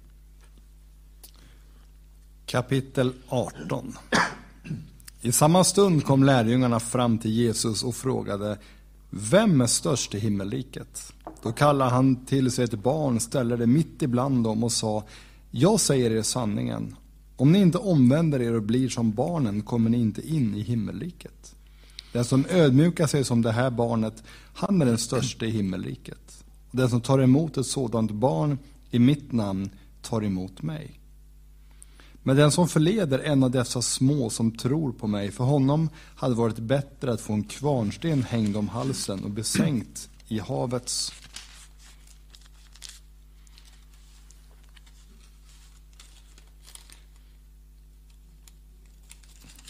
havets djup. Vi över världen som förför. Förförelsen måste komma, men ve den människa genom vilken förförelsen kommer. Om din hand eller fot förleder dig till synd, så hugg av den och kasta den ifrån dig. Det är bättre för dig att gå in i livet stympad eller halt än att ha båda händerna och båda fötterna kvar och kastas i den eviga elden. Och om ditt öga förleder dig till synd, så riv ut det och kasta det ifrån dig. Det är bättre för dig att gå in i livet enögd än att ha båda ögonen kvar och kastas i det brinnande Gehenna. Se till att ni inte föraktar någon enda av dessa små. Jag säger att deras änglar i himlen alltid ser min himmelske fars ansikte. Vad tror ni? Om någon har hundra får och ett av dem kommer bort, lämnar han då inte de 99 i bergen och går ut och letar efter det som gick vilse? Och om han finner det, jag säger er sanningen, han gläder sig mer över det fåret än över de 99 som aldrig gick vilse. På samma sätt är det inte er himmelske fars vilja att någon enda av dessa små ska gå förlorad. Om ni broder har syndat, så gå och ställ honom till svars enskilt er emellan. Lyssnar han på dig så har du vunnit din broder. Men om han inte lyssnar, tar du med dig en eller två andra för att varje sak ska avgöras efter två eller tre vittnens ord. Lyssnar han inte till dem, så säg det till församlingen. Och lyssnar han inte heller till församlingen, så ska han vara för dig som en hedning och tullindrivare. Jag säger er sanningen, allt som ni binder på jorden ska vara bundet i himlen. Och allt som ni löser på jorden ska vara löst i himlen. Vidare säger jag er, om två av er här på jorden kommer överens om att be om något, vad det än är, så ska de få det av min far i himlen. För där två eller tre är samlade i mitt namn, där är jag mitt ibland dem. Då kom Petrus fram och frågade Jesus, Herre, hur många gånger ska min broder kunna synda emot mig och få min förlåtelse? Upp till sju gånger. Jesus sa till honom, jag säger det inte sju gånger utan sjuttio gånger sju. Därför är himmelriket som en kung som vill ha redovisning av sina tjänare. När han började, granska, började granskningen förde man fram till honom en som var skyldig 10 000 talenter. Eftersom han inte kunde betala befallde hans herre att han och hans hustru och barn och allt vad han ägde skulle säljas för att betala skulden. Tjänaren föll ner för honom och vädjade, ha tålamod med mig så ska jag betala tillbaka allt till dig. Då förbarmade sig tjänarens herre över honom och lät honom gå och efterskänkte hans skuld. Men när tjänaren kom ut mötte han en av sina medtjänare som var skyldig honom hundra denarer. Han tog fast honom och började strypa honom och sa, betala vad du är skyldig. Hans medtjänare följde ner och bad, ha tålamod med mig så ska jag betala dig. Men han ville inte utan gick och satte honom i fängelse tills han hade betalat vad han var skyldig. När hans medtjänare såg vad som hände blev de mycket upprörda och gick och berättade allt sammans för sin herre. Då kallade hans herre honom till sig och sa, du usle tjänare. Hela den här skulden efterskänkte jag dig därför att du bad mig. Borde inte du ha förbarmat dig över din medtjänare, liksom jag förbarmar mig över dig? Och i sin vrede överlämnade hans herre honom till torterarna tills han hade befallt allt vad han var skyldig. Så ska också min himmelske far göra med er om ni inte var och en av hjärtat förlåter er broder. Kapitel 19 När Jesus hade avslutat detta tal lämnade han Galileen och gick på andra sidan Jordan till Judeens område. Mycket folk följde honom och han botade dem där. Några fariseer kom fram till honom för att pröva honom och sa Får man skilja sig från sin hustru av vilken orsak som helst? Han svarade, har ni inte läst att skaparen från början gjorde dem till man och kvinna och sa, därför ska en man lämna sin far och mor och hålla sig till sin hustru och de två ska bli ett kött. Så är det inte längre två utan ett kött. Vad Gud har fogat samman får alltså människan inte skilja åt. De frågade honom, varför har då Moses befallt att mannen ska ge henne ett skilsmässobrev och skicka bort henne? Han svarade, det var för att era hjärtan är så hårda som Mose tillät er att skiljas från era hustrur. Men från början var det inte så. Jag säger er, den som skiljer sig från sin hustru av annat skäl än en sexuell synd och gifter sig med en annan, han begår äktenskapsbrott. Hans lärjungar sa till honom, om det så är relationen mellan mannen och hustrun, då är det bättre att inte gifta sig. Han svarade dem, alla kan inte ta emot det här ordet, utan bara de som har fått den gåvan. Det finns de som inte kan gifta sig för att de är födda sådana, och de som inte kan det för att människor har gjort dem sådana. Och det finns andra som väljer att inte gifta sig för himmelrikets skull. Den som kan förstå detta bör ta det till sig. Sedan bar man fram barn till Jesus för att han skulle lägga händerna på dem och be. Men lärjungarna visade bort dem. Då sade Jesus, låt barnen komma till mig och hindra dem inte, för himmelriket tillhör sådana som det. Och han lade händerna på dem och gick sedan därifrån. En man kom fram till Jesus och frågade, Mästare, vad ska jag göra för gott för att få evigt liv? Jesus sa till honom, varför frågar du mig om det goda? Det finns bara en som är god. Och vill du gå in i livet så håll buden. Han frågade honom, vilka? Jesus svarade, du ska inte mörda, du ska inte begå äktenskapsbrott, du ska inte stjäla, du ska inte vittna falskt, hedra din far och mor och du ska älska din nästa som dig själv.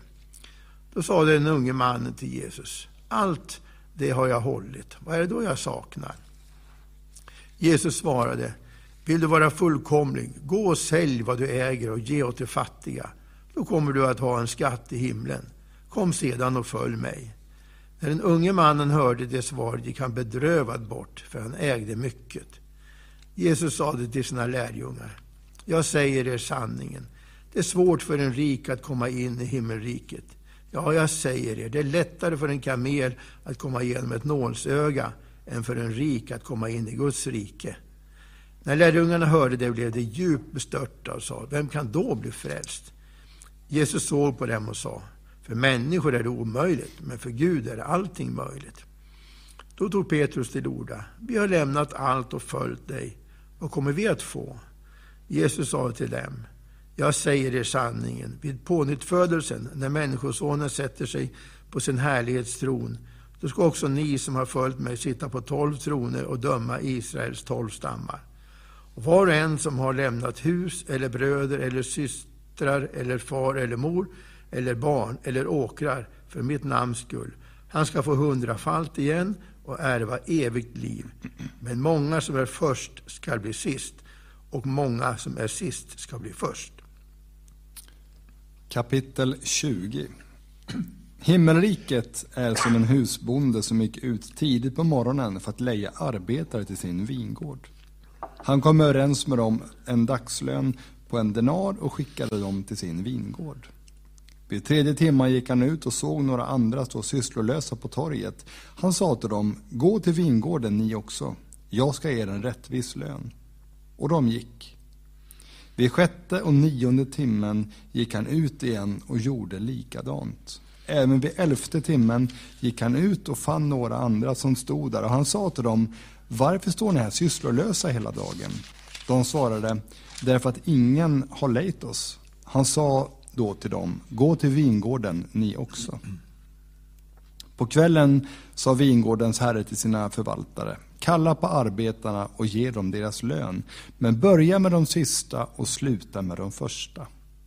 De som hade blivit lejda vid elfte timmen kom då fram och fick varsin denar. När sedan de första kom fram trodde de att de skulle få mer, men de, också, men de fick också en denar.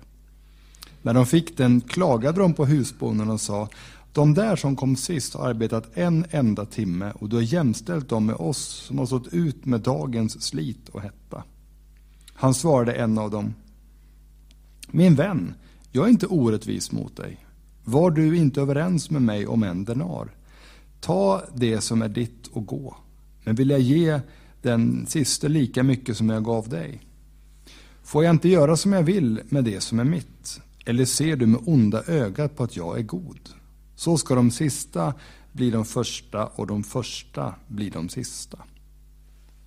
När Jesus var på väg upp till Jerusalem tog han de tolv lärjungarna åt sidan och sa till dem där på vägen. Se, vi går upp till Jerusalem och Människosonen kommer att överlämnas till översteprästerna och de skriftlärda. De ska döma honom till döden och utlämna honom åt hedningarna till att hånas, gisslas och korsfästas. Och på tredje dagen ska han uppstå. Då kom modern till Sebedaios söner fram till Jesus tillsammans med sina söner. Hon föll på knä och ville be honom om något. Han frågade henne, vad vill du?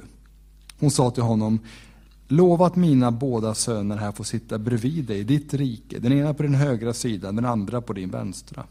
Jesus svarade, ni vet inte vad ni ber om. Kan ni dricka den bägare jag ska dricka? De svarade, det kan vi. Jesus sa till dem, ni ska få dricka min bägare, men platserna på min högra och vänstra sida är inte min sak att ge bort. De ska ges åt dem som min fader har berett dem för. När de tio andra fick höra det blev de upprörda över de båda bröderna. Men Jesus kallade dem till sig och sa, ni vet att folkets ledare beter sig som herrar över dem och att stormän härskar över dem. Men så ska det inte vara bland er. Nej, den som vill vara störst bland er ska vara de andras tjänare och den som vill vara främst bland er ska vara de andras slav. Så har inte heller Människosonen kommit för att bli betjänad utan för att tjäna och ge sitt liv till lösen för många. När han var på väg ut ur Jeriko följde mycket folk med honom. Två blinda satt där vid vägen. När de fick höra att Jesus gick förbi ropade de Förbarma dig över oss, Herre, Davids son. Folket sa åt dem strängt att vara tysta, men de ropade bara ännu högre. Förbarma dig över oss, Herre, Davids son. Jesus stannade, kallade dem till sig och frågade Vad vill ni att jag ska göra för er? De svarade honom Herre, öppna våra ögon. Då förbarmas Jesus och rörde vid deras ögon, ögon och genast kunde de se och de följde honom. Kapitel 21 När de närmade sig Jerusalem och kom till Betfage vid Olivberget sände Jesus iväg två lärjungar och sade till dem Gå in i byn där framför er. Där ska ni genast finna en åsna som står bunden med ett föl bredvid sig. Ta loss dem och led dem till mig. Om någon säger något till er ska ni svara, Herren behöver dem, och han ska strax skicka iväg dem. Detta hände för att det som var sagt genom profeten skulle uppfyllas. Säg till dottern Sion, se din konung kommer till dig, ödmjuk och ridande på en åsna, på en arbetsåsnas föl. Lärjungarna gav sig iväg och gjorde som Jesus hade befallt dem. De hämtade åsnan och fölet och lade sina mantlar på dem, och han satte upp. Den stora folkmassan bredde ut sina mantlar på vägen dem och led dem till Andra mig. skar kvistar från träden och stödde, strödde på vägen. Och folket, både de som gick före honom och de som följde efter, ropade Hosianna, Davids son, välsignad är han som kommer i Herrens namn. Hosianna i höjden. När han drog in i Jerusalem kom hela staden i rörelse och man frågade, vem är han? Folket svarade, det är profeten Jesus från Nasaret i Galileen. Jesus kom in på tempelplatsen och drev ut alla som sålde och köpte där i templet. Han välte växlarnas bord och duv, duvförsäljarnas stolar och sade till dem, det står skrivet, mitt hus ska kallas ett bönens hus, men ni har gjort det till ett rövarnäste. På tempelplatsen kom blinda och lama fram till honom, han botade dem. När översteprästerna och de skriftlärda såg det under han gjorde och barnen som ropade i templet, Hosianna, Davids son, blev de upprörda och sa till honom, Hör du vad de säger? Jesus svarade dem, Ja, har ni aldrig läst, av barns och spädbarns mun har du berett en lovsång. Sedan lämnade han dem och gick ut ur staden till Betania där han övernattade. När Jesus tidigt på morgonen var på väg tillbaka till staden blev han hungrig. Han såg ett fikonträd vid vägen och gick fram till det, men fann inget annat än blad på det. Då sade han, aldrig mer ska det komma frukt ifrån dig. Och genast vissnade fikonträdet. När lärjungarna såg det blev de förundrade och frågade, hur kunde fikonträdet vissna så plötsligt? Jesus svarade dem, jag säger er sanningen. Om ni har tro och inte tvivlar så kan ni göra inte bara sådant som är fikonträdet. Ni ska till och med kunna säga till det här berget, lyft dig och kasta dig i havet och det ska ske. Allt vad ni ber om er i bön ska ni få när ni tror. Jesus gick upp till templet och undervisade. Då kom över till prästerna och folkets äldste fram till honom och frågade Vad har du för fullmakt att göra detta? Och vem har gett dig den fullmakten? Jesus svarade dem Jag vill också fråga er en sak. Svarar ni med på den, så ska jag säga er vad jag har för fullmakt att göra det här. Johannes dop, varifrån kom det? Från himlen eller från människor? De samrådde med varandra och sade, säger vi från himlen så säger han, varför trodde ni då inte på honom? Men säger vi från människor så måste vi akta oss för folket. Alla anser ju att Johannes var en profet. Därför svarade de, vi vet inte. Jesus sade till dem, då säger inte heller jag er vad jag har för fullmakt att göra det här. Vad tänker ni om detta? En man hade två söner. Han gick till den förste och sade, min son, gå och arbeta i min vingård idag. Jag vill inte, svarade han. Men längre fram ångrade han sig och gick. Sedan kom mannen till den andra och sade samma sak. Han svarade, ja herre, men han gick inte. Vem av de två gjorde faderns vilja? Det svarade den förste. Jesus sade till dem, jag säger er sanningen, tullindrivare och prostituerade ska gå före er in i Guds rike. Johannes kom till er på rättfärdighetens väg och ni trodde inte på honom, men tullindrivarna och de prostituerade trodde på honom. Och trots att ni såg det ångrade ni er inte ens senare och trodde på honom. Lyssna på en annan liknelse. En husbonde planterade en vingård. Han satte stängsel runt den, högg ut en vinpress och byggde ett vakttorn. Sedan arrenderade han ut till den till vinodlare och reste bort. När skördetiden närmade sig sände han sina tjänare till vinodlarna för att få sin del av frukten. Men vinodlarna tog fast hans tjänare. En slog det, en annan dödade och en tredje stenade det. Återigen sände han andra tjänare, fler än de förra, men de gjorde på samma sätt med dem. Till sist sände han sin son till dem och sa, min son kommer de att ha respekt för. Men när vinodlarna fick se sonen sade de till varandra, här är arvtagaren, kom vi dödar honom så får vi hans arv. Och de tog fast honom, kastade ut honom ur vingården och dödade honom. När nu vingårdens herre kommer, vad ska han då göra med dessa vinodlare? De svarade honom, han ska ge det onda en, en, en ond död, ska ge det onda en ond död ja, och arrendera ut vingården till andra vinodlare som ger honom frukten i rätt tid. Jesus sa till dem, har ni aldrig läst i skrifterna? Stenen som husbyggarna förkastade har blivit en hörnsten. Herren har gjort den till detta. Underbart är det i våra ögon. Därför säger jag er, Guds rike ska tas ifrån er och ges åt ett folk som bär dess frukt. Den som faller på den stenen blir krossad och den som stenen faller på blir söndersmulad. Översteprästerna och fariseerna hörde hans liknelser och de förstod att det var dem som han talade om. De ville gripa honom men var rädda för folket eftersom man ansåg att han var en profet.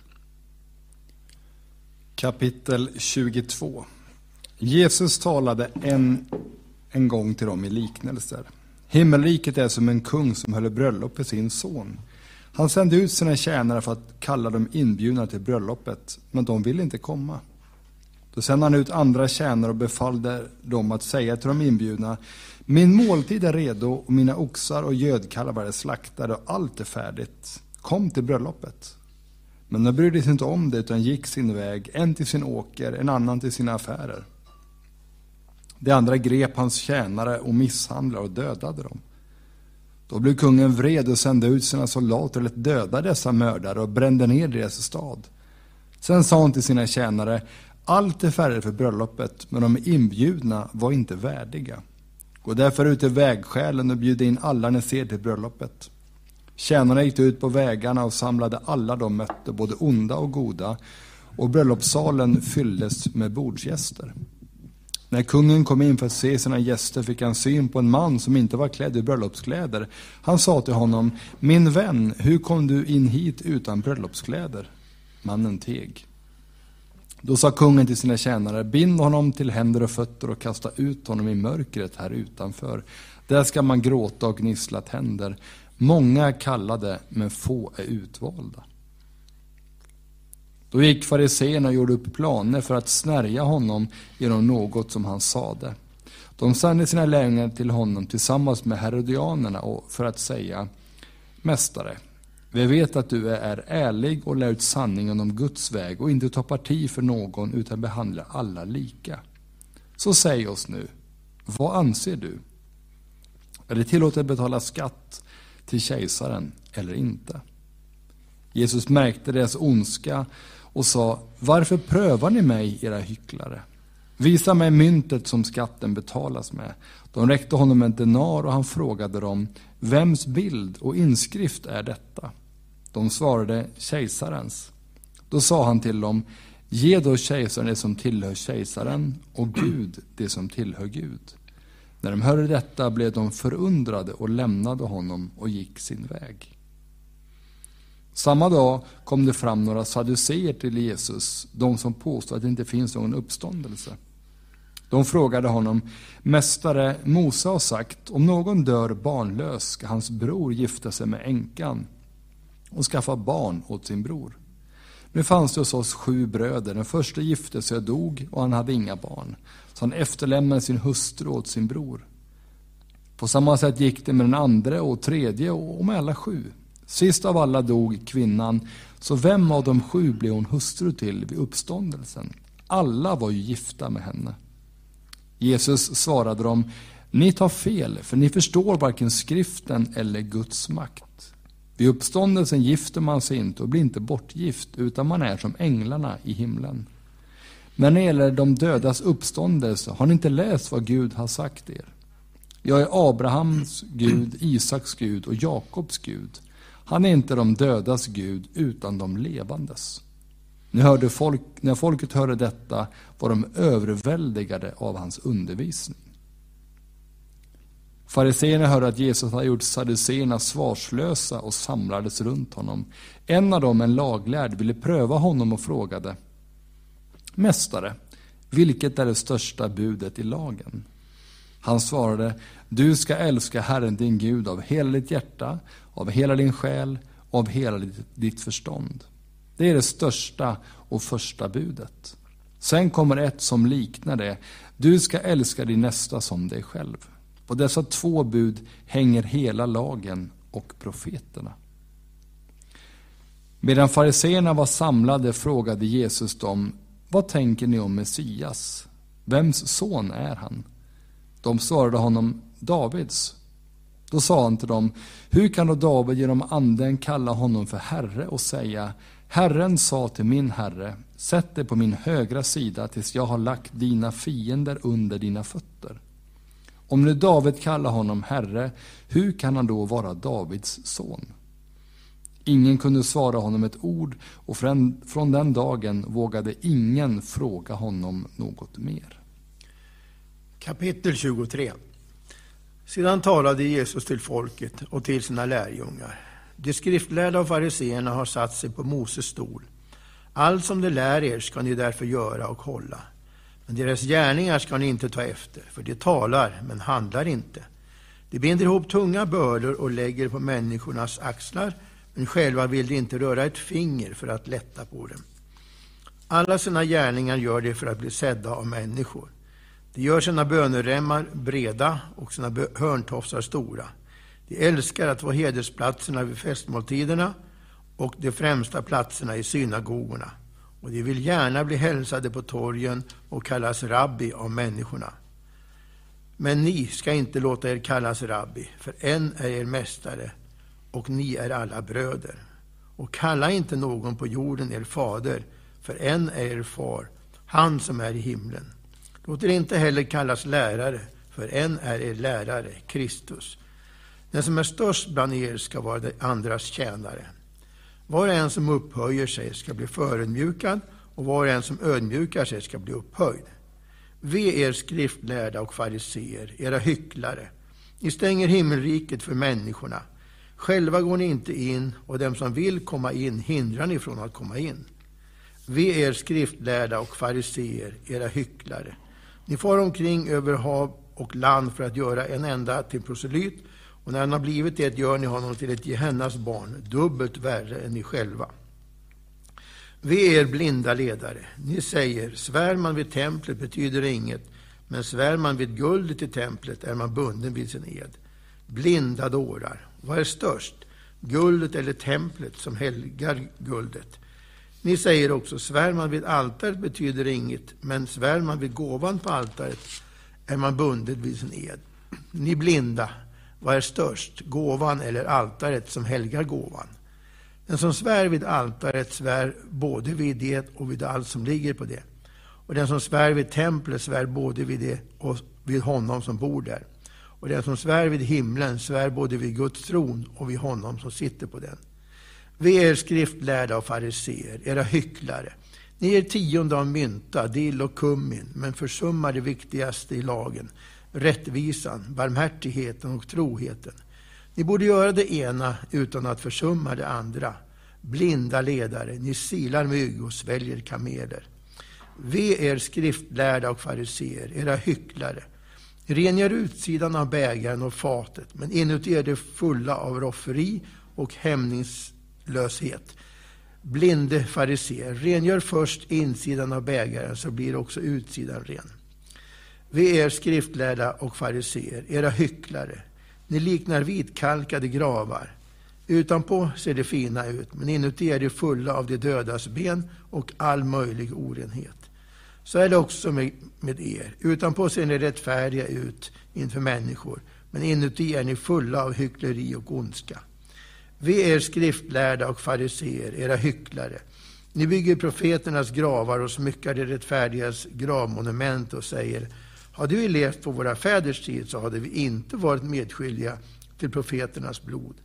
Så vittnar ni om er själva att ni är söner till dem som mördade profeterna. Fyll då också ni era fäders mått. Ormar, huggorms yngel, hur ska ni kunna undgå att dömas till Gehenna?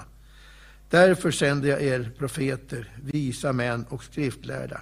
Några av dem kommer ni att döda och korsfästa, andra kommer ni att piska i era synagogor och jaga från stad till stad. Så kommer över er all rättfärdigt blod som har spillts på jorden, från blodet av den rättfärdige Abel till blodet av Sakarja, Berekias son, som ni mördade mellan templet och altaret. Jag säger er sanningen, allt detta ska komma över det här släktet. Jerusalem, Jerusalem, du som mördar profeterna och stenar dem som är sända till dig. Hur ofta har jag inte velat samla dina barn, så som hönan samlar sina kycklingar under vingarna. Men ni ville inte. Nu ska ert hus lämnas öde. För jag säger er, härefter kommer ni inte att se mig förrän ni säger, välsignad är han som kommer i Herrens namn. Kapitel 24 När Jesus lämnade templet och var på väg ut kom hans lärjungar för att visa honom på tempelbyggnaderna. Men han sa till dem, ni ser allt detta. Jag säger er sanningen, här ska inte lämnas sten på sten. Allt ska rivas ner. När Jesus sedan satt på Olivberget, Olivberget och lärjungarna var ensamma med honom kom de fram till honom och frågade, säg oss, när ska det ske? Och vad betecknet på din återkomst och den här tidsålderns slut? Jesus svarade dem, se till att ingen bedrar er. Många ska komma i mitt namn och säga, jag är Messias, och de ska bedra många. Ni kommer höra stridslarm och rykten om krig, så då till att ni inte blir skrämda. Sådant måste hända, men det är ännu inte slutet. Folk ska resa sig mot folk och rike mot rike. Det ska bli svält och jordbävningar på många platser. Men allt detta är bara början på födslovåndorna. Då ska man utlämna er åt lidande och döda er och ni ska bli hatade av alla folk för mitt namns skull. Och då, många, och då ska många komma på fall och de ska förråda varandra och hata varandra. Många falska profeter ska träda fram och bedra många. Eftersom laglösheten kommer ö- ökar kommer kärleken att kallna hos de flesta. Men den som håller ut till slutet ska bli frälst. Och detta evangelium om riket ska förkunnas i hela världen och bli till ett vittnesbörd för alla folk. Sen ska slutet komma. När ni ser förödelsens styggelse som profeten Daniel talar om stå på helig plats, läsaren bör förstå det rätt. Då måste de som är Judén fly upp i bergen. De som är på taket ska inte gå ner för att hämta något från sitt hus och den som är på åken ska inte vända tillbaka för att hämta sin mantel. Ve dem som väntar barn eller ammar i de dagarna. Be att ni inte måste fly under vintern eller på sabbaten, för då ska det bli en så stor nöd att något liknande aldrig har förekommit från världens begynnelse och ända fram till nu, och inte heller ska komma. Hade inte den tiden förkortats skulle ingen människa bli frälst, men för de utvaldas skull kommer den tiden att förkortas. Om någon då säger till er, här är Messias, eller där är han, så tro det inte. Falska messiasgestalter och falska profeter ska träda fram och göra stora tecken och under för att om möjligt bedra även de utvalda. Jag har nu sagt det till er i förväg. Om de säger till er, han är i öknen, så gå inte dit. Eller han är i de inre rummen, så tro det inte. För som blixten går ut från öster och lyser ända bort i väster, så ska det vara när Människosonen kommer. Där liket ligger, där samlas gamarna. Strax efter de dagarnas nöd ska solen förmörkas och månen inte längre ge sitt sken. Stjärnorna ska falla från himlen och himlens makter ska skakas. Då ska Människosonens tecken synas på himlen och jordens alla folk ska jämra sig när de ser Människosonen komma på himlens moln med stor makt och härlighet. Med starkt basunljud ska han sända ut sina änglar och de ska samla hans utvalda från de fyra väderstrecken, från himlen ena ände till den andra. Lär av en jämförelse med fikonträdet. Redan när kvisten blir mjuk och bladen spricker ut vet ni att sommaren är nära. På samma sätt vet ni när ni ser allt detta att han är nära och står för dörren. Jag säger er sanningen, det här släktet ska inte förgås förrän allt detta sker. Himmel och jord ska förgå, men in, mina ord ska aldrig förgå. Men den dagen eller stunden känner ingen, inte himlens änglar, inte ens sonen, ingen utom fadern. Så som det var under Noas dagar, så ska det vara när Människosonen kommer. Under dagarna före floden åt, och, åt de och drack, de gifte sig och blev bortgifta ända till den dag då Noa gick in i arken. Och de visste ingenting förrän floden kom och ryckte bort dem alla. Så ska det bli när Människosonen kommer. Då ska två män vara ute på åken. Den ene ska tas med, den andra lämnas kvar. Två kvinnor ska mala vid kvarnen, den ene ska tas med, den andra lämnas kvar. Vak, var därför vakna, för ni vet inte vilken dag er Herre kommer. Men det förstår ni att om husägaren visste när på natten tjuven kom, då hade han hållit sig vaken och inte låtit någon bryta sig in i hans hus. Var därför beredda också ni, för en stund när ni inte väntade kommer Människosonen. Vem är den trogne och kloke tjänarna vars herre har satt honom över sina andra tjänare för att ge dem mat i rätt tid?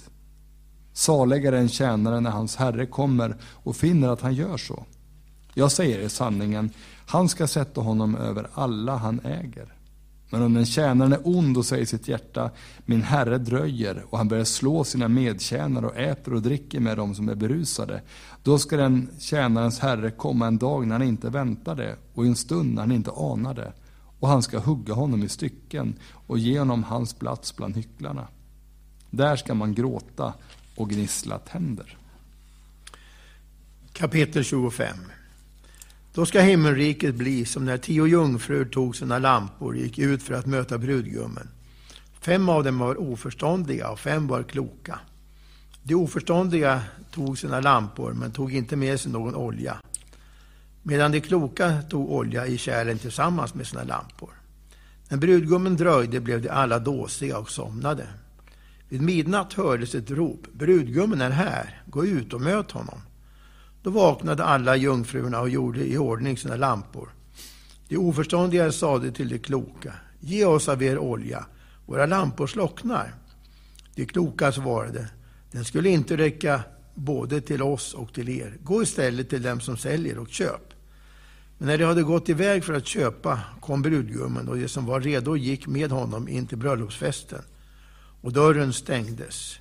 Till slut kom de andra jungfrurna tillbaka och sade, Herre, Herre, öppna för oss. Men han svarade, jag säger er sanning, jag känner er inte. Håll er därför vakna, för ni vet inte vilken dag eller timme han kommer. Det ska bli som när en man skulle resa utomlands. Han kallade till sig sina tjänare och anförtrodde dem sin förmögenhet. En gav han fem talenter, en annan två och en tredje en talent, åt var och en efter hans förmåga. Sedan reste han bort. Den som hade fått fem talenter gick genast och gjorde affärer med dem och tjänade fem talenter till. Den som hade fått två talenter tjänade på samma sätt två till. Men den som hade fått en talent gick bort och grävde ner den i jorden och gömde sin herres pengar. En lång tid därefter kom tjänarnas herre och krävde redovisning av dem. Den som hade fått fem talenter kom då och bar fram fem talenter till och sade Herre, du anförtrodde mig fem talenter. Här är fem till som jag har tjänat. Hans herre sade till honom, bra du gode och trogne tjänare. Du var trogen i det lilla, jag ska sätta dig över mycket. Gå in i din herres glädje. Så kom den som hade fått två talenter fram och sade, Herre, du anförtrodde mig två talenter. Här är två till som jag har tjänat. Hans herre sade till honom, bra du gode och trogne tjänare. Du var trogen i det lilla, jag ska sätta dig över mycket. Gå in i din herres glädje. Även den som hade fått en talent kom fram. Han sade, Herre, jag visste att du är en hård man som skördar där du inte har sått och samlar in där du inte har strött ut. Jag var rädd, så jag gick och gömde min, din talent i jorden. Här har du vad som är ditt. Hans herre svarade till honom, du usle och late tjänare. Visste du att jag skördar där jag inte har sått och samlar in där jag inte har strött ut? Då skulle du ha satt in mina pengar på banken så att jag hade fått igen det som är mitt med ränta när jag kom. När jag kom. Ta nu ifrån honom talenten och ge den till honom som har tio talenter. Var och en som har ska få, och det är överflöd. Men den som inget har ska bli fråntagen också det han har. Och kasta ut den oduglige tjänaren i mörkret här utanför. Där ska man gråta och gnissla tänder. När Människosonen kommer i sin härlighet och alla änglar med honom, då ska han sätta sig på sin härlighetstron. Och alla folk ska samlas inför honom och han ska skilja dem från varandra som herden skiljer fåren från getterna. Och han ska ställa fåren på sin högra sida och getterna på den vänstra. Då ska kungen säga till dem som står på hans högra sida. Kom ni min faders välsignade och ta emot det rike som stått berett för er sedan världens skapelse. För jag var hungrig och ni gav mig att äta. Jag var törstig och ni gav mig att dricka. Jag var främling och ni tog emot mig. Jag var naken och ni klädde mig. Jag var sjuk och ni besökte mig. Jag var i fängelse och ni kom till mig. Då ska det rättfärdiga svara honom. Herre, när såg vi dig hungrig och gav dig att äta, eller törstig och gav dig att dricka? Och när såg vi dig som främling och tog emot dig, eller naken och klädde dig? Och när såg vi dig sjuk eller i fängelse och kom till dig? Då ska kungen svara dem, jag säger er sanningen. Allt vad ni har gjort för en av dessa mina minsta bröder, det har ni gjort för mig. Sedan ska han säga till dem som står på den vänstra sidan, gå bort ifrån mig ni förbannade till den eviga elden som är beredd åt djävulen och hans änglar. För jag var hungrig och ni gav mig inte att äta, jag var törstig och ni gav mig inte att dricka, jag var främling och ni tog inte emot mig, naken och klädde mig inte, sjuk och i fängelse och ni besökte mig inte. Då ska de svara, Herre, när såg vi dig hungrig eller törstig eller som främling eller naken eller sjuk eller i fängelse och hjälpte dig inte. Då ska han svara dem, jag säger er sanningen, allt vad ni inte har gjort för en av dessa minsta, det har ni inte heller gjort för mig. Och dessa ska gå bort till ett evigt straff, men det rättfärdiga till evigt liv. Kapitel 26 När Jesus hade avslutat detta tal sa han till sina lärjungar Ni vet att om två dagar är det påsk. Då ska Människosonen utlämnas för att bli korsfäst. Översteprästen och folkets äldste samlades nu i översteprästen Kaifas palats. De planerade att gripa Jesus med list och döda honom, men de sa, inte under högtiden, det får inte bli upplopp bland folket. När Jesus var i Betania i Simon den spetälskes hus kom en kvinna fram till honom. Hon hade en alabasterflaska med dyrbar olja och hon hällde ut den över hans huvud där han låg till bords. När lärjungarna såg det blev de upprörda och sa, varför detta slöseri? Den kunde man ha sålt för mycket pengar och gett till de fattiga. Jesus märkte det och sa till dem, varför oroar ni kvinnan? Hon har gjort en god gärning mot mig. De fattiga har ni alltid hos er, men mig har ni inte alltid. När hon hällde den här oljan över min kropp gjorde hon inför min begravning. Jag säger er sanningen, överallt i världen där detta evangelium förkunnas ska man också berätta vad hon gjorde och komma ihåg henne. Då gick en av de tolv, han som hette Judas Iskariot, bort till översteprästerna och sa, vad vill ni ge mig om jag utlämnar honom åt er? Då vägde de upp 30 silvermynt åt honom.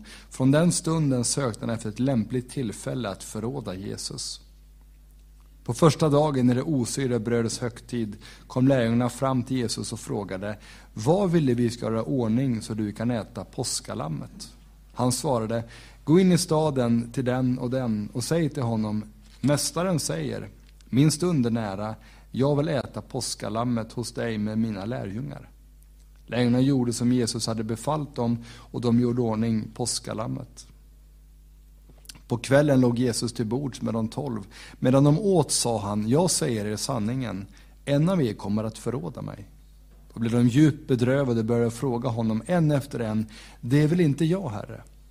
Han svarade, den som doppar handen i skålen tillsammans med mig, han ska förråda mig. Människosonen går bort som det står skrivet om honom, men ve den människa genom vilken Människosonen blir förrådd. Det har varit bättre för den människan att aldrig ha blivit född. Judas, han som skulle förråda honom, sa Rabbi, det är väl inte jag? Jesus svarade, du har själv sagt det. Medan de åt tog Jesus ett bröd, tackade Gud, bröt det och gav åt lärjungarna och sade, tag och ät, detta är min kropp. Och han tog en bägare, tackade Gud och gav åt dem och sa, drick av den alla. Detta är mitt blod, förbundsblodet som blir utgjutet för många till syndernas förlåtelse.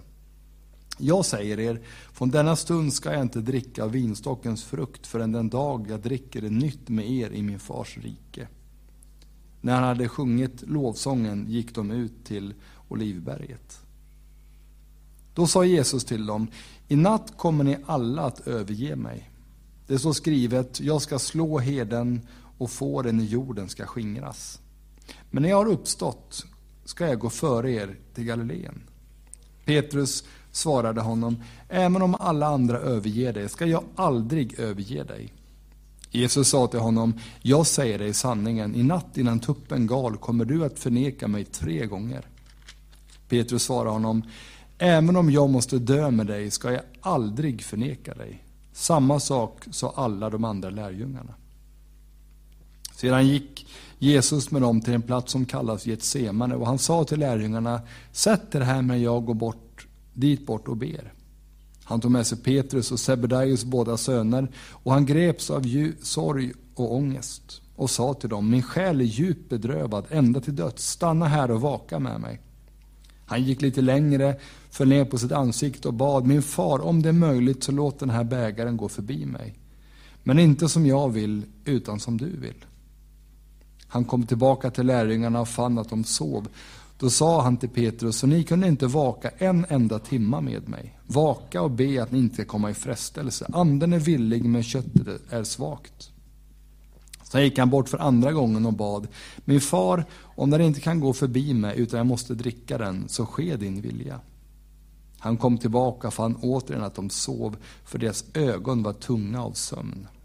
Då lämnade han dem och gick åter bort och bad för tredje gången med samma ord igen. Sen gick han till lärjungarna och sa till dem, sover ni fortfarande och vilar er? Nu är stunden här då Människosonen utlämnas i syndares händer. Res på er, nu går vi. Han som förråder mig är här. Medan han ännu talade kom Judas, en av de tolv, och med honom en stor folkhop med svärd och påkar från översteprästen och folkets äldste. Förrädarna hade gett dem ett tecken och sagt, den jag kysser är det, grip honom. Och han gick genast fram till Jesus och sa, var hälsad rabbi, och kysste honom.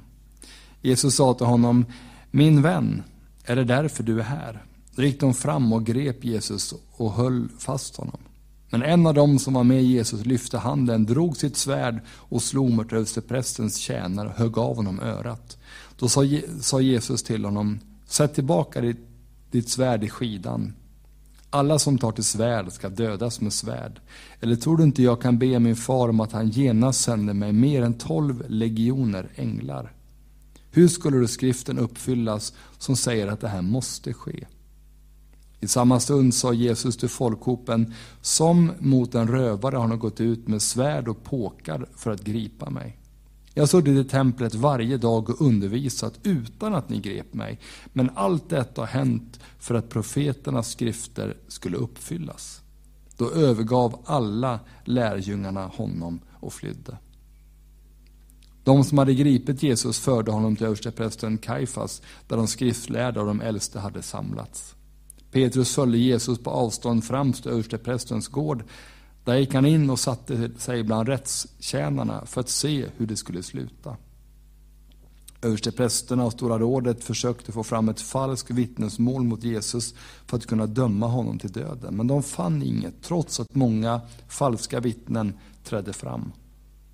Till sist kom det fram två män som sa, han har sagt, jag kan riva ner Guds tempel och bygga upp det igen på tre dagar. Då reste sig översteprästen och frågade honom, svarar du inte på vad, vitt, vad de vittnar mot dig? Men Jesus var tyst. Då sa översteprästen till honom, jag besvär dig vid den levande guden, säg oss, är du Messias, Guds son? Jesus sa till honom, du själv har sagt det, men jag säger er, Härefter ska ni se Människosonen sitta på maktens högra sida och komma på himlens moln. Då rev översteprästen sönder sina kläder och sa, han har hädat, behöver vi några fler vittnen? Nu har ni hört hädelsen, vad anser ni? De svarade, han förtjänar döden, och de spottade honom i ansiktet, slog honom i knytnävarna.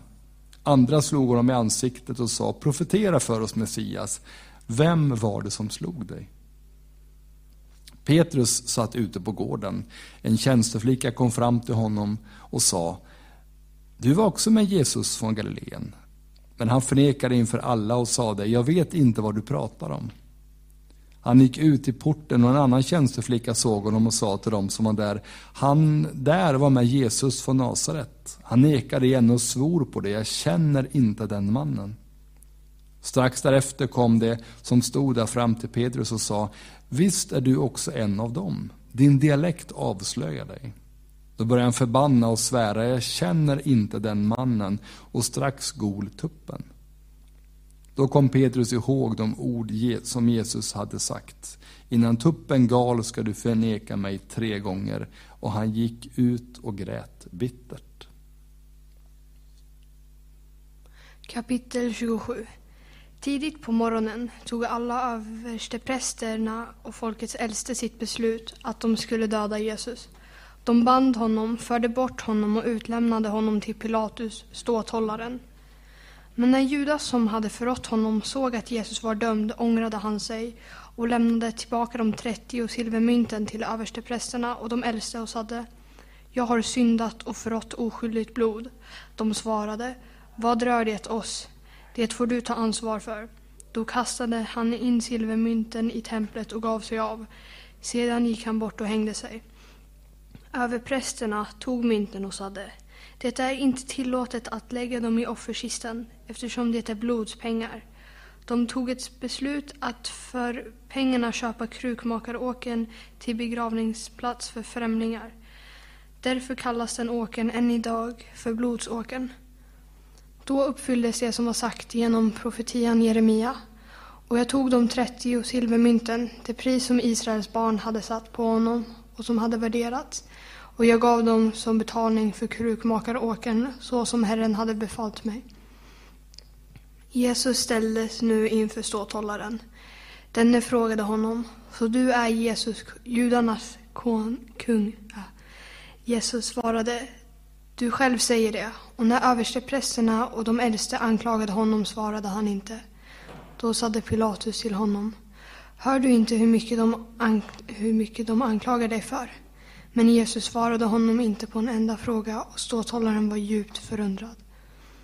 Vid högtiden brukade ståthållaren fria en fånge, en som de själv, själva önskade. Just då hade man en beryktad fånge som hette Barabbas. När de nu var samlade frågade Pilatus dem. Vem vill ni att jag ska frige åt er? Barabbas eller Jesus som kallas Messias? Han visste nämligen att det var av avund som de hade utlämnat honom. Medan Pilatus satt på domarsätet sände hans hustru bud till honom. Du ska inte ha med den där rättfärdige mannen att göra. I natt var jag svårt plågad i en dröm för hans skull. Men översteprästen och de äldste övertalade folket att kräva att få Barabbas fri och att Jesus skulle dödas. När ståthållen frågade dem, vem av de två vill ni att jag friger åt er? svarade de, Barabbas. Pilatus frågade dem, vad ska jag göra då med Jesus som kallas Messias? Alla svarade, korsfäst honom. Han frågade, vad har han då gjort för ont? Men de skrek ännu högre, korsfäst honom. När Pilatus såg att inget hjälpte utan oron bara ökade tog han vatten och tvådde sina händer inför folket och sade Jag är oskyldig till den mannens blod. Det här får ni själva ta ansvar för. Allt folket svarade Låt hans blod komma över oss och över våra barn. Då frigav han Barabbas åt dem, men Jesus lät han gissla och utlämnade honom till att korsfästas. Därefter tog ståthållarens soldater med sig Jesus in i pretoriet och samlade hela vaktstyrkan runt honom.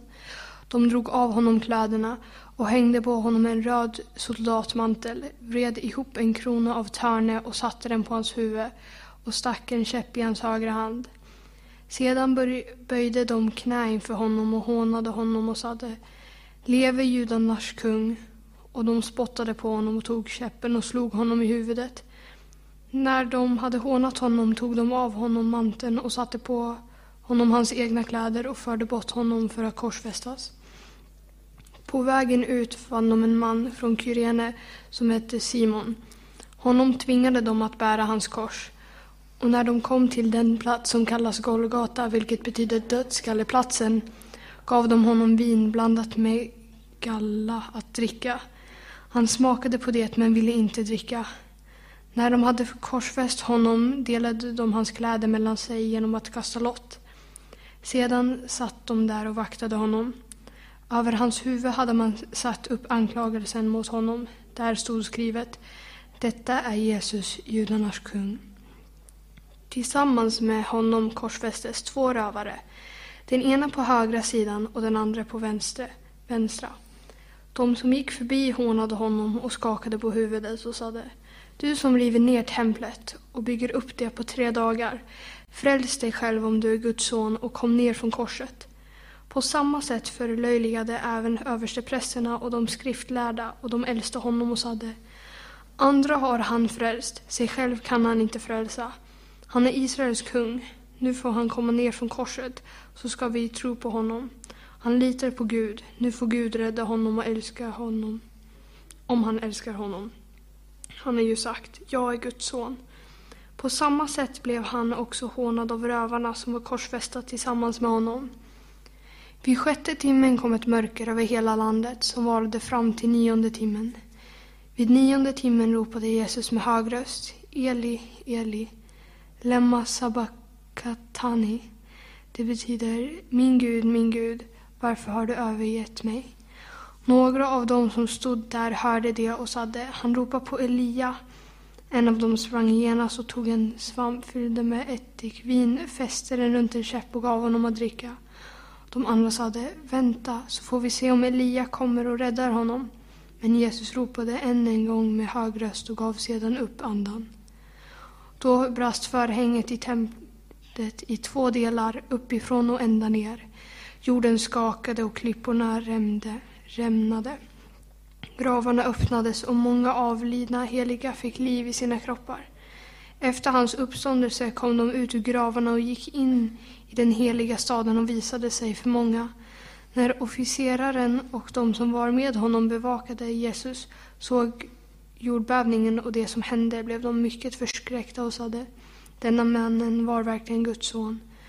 Många kvinnor stod där på avstånd och såg på honom. De hade följt Jesus från Galileen och tjänat honom.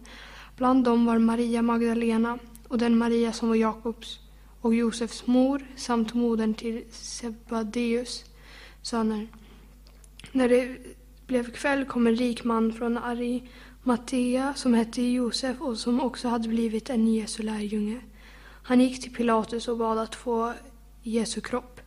Pilatus befallde då att han skulle få den.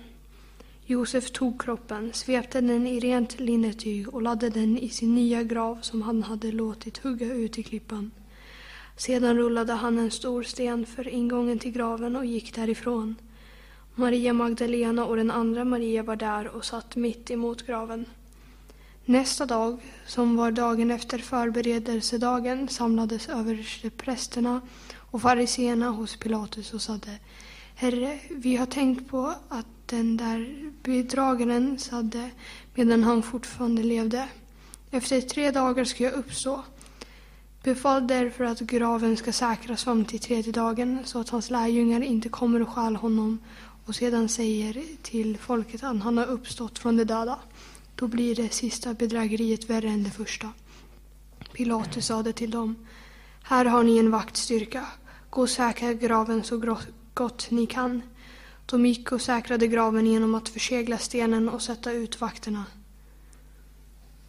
Kapitel 28 Efter sabbat, sabbaten i gryningen, den första veckodagen, gick Maria Magdalena och den andra Ma Maria för att se på graven.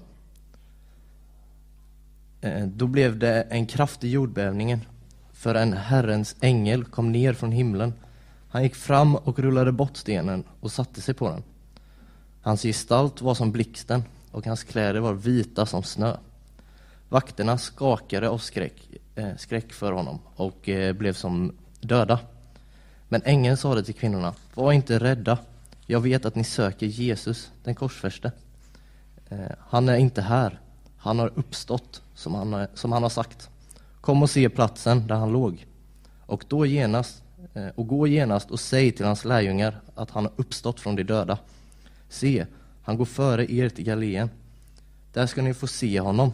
Nu har jag sagt er det. De skyndade då genast iväg till från graven.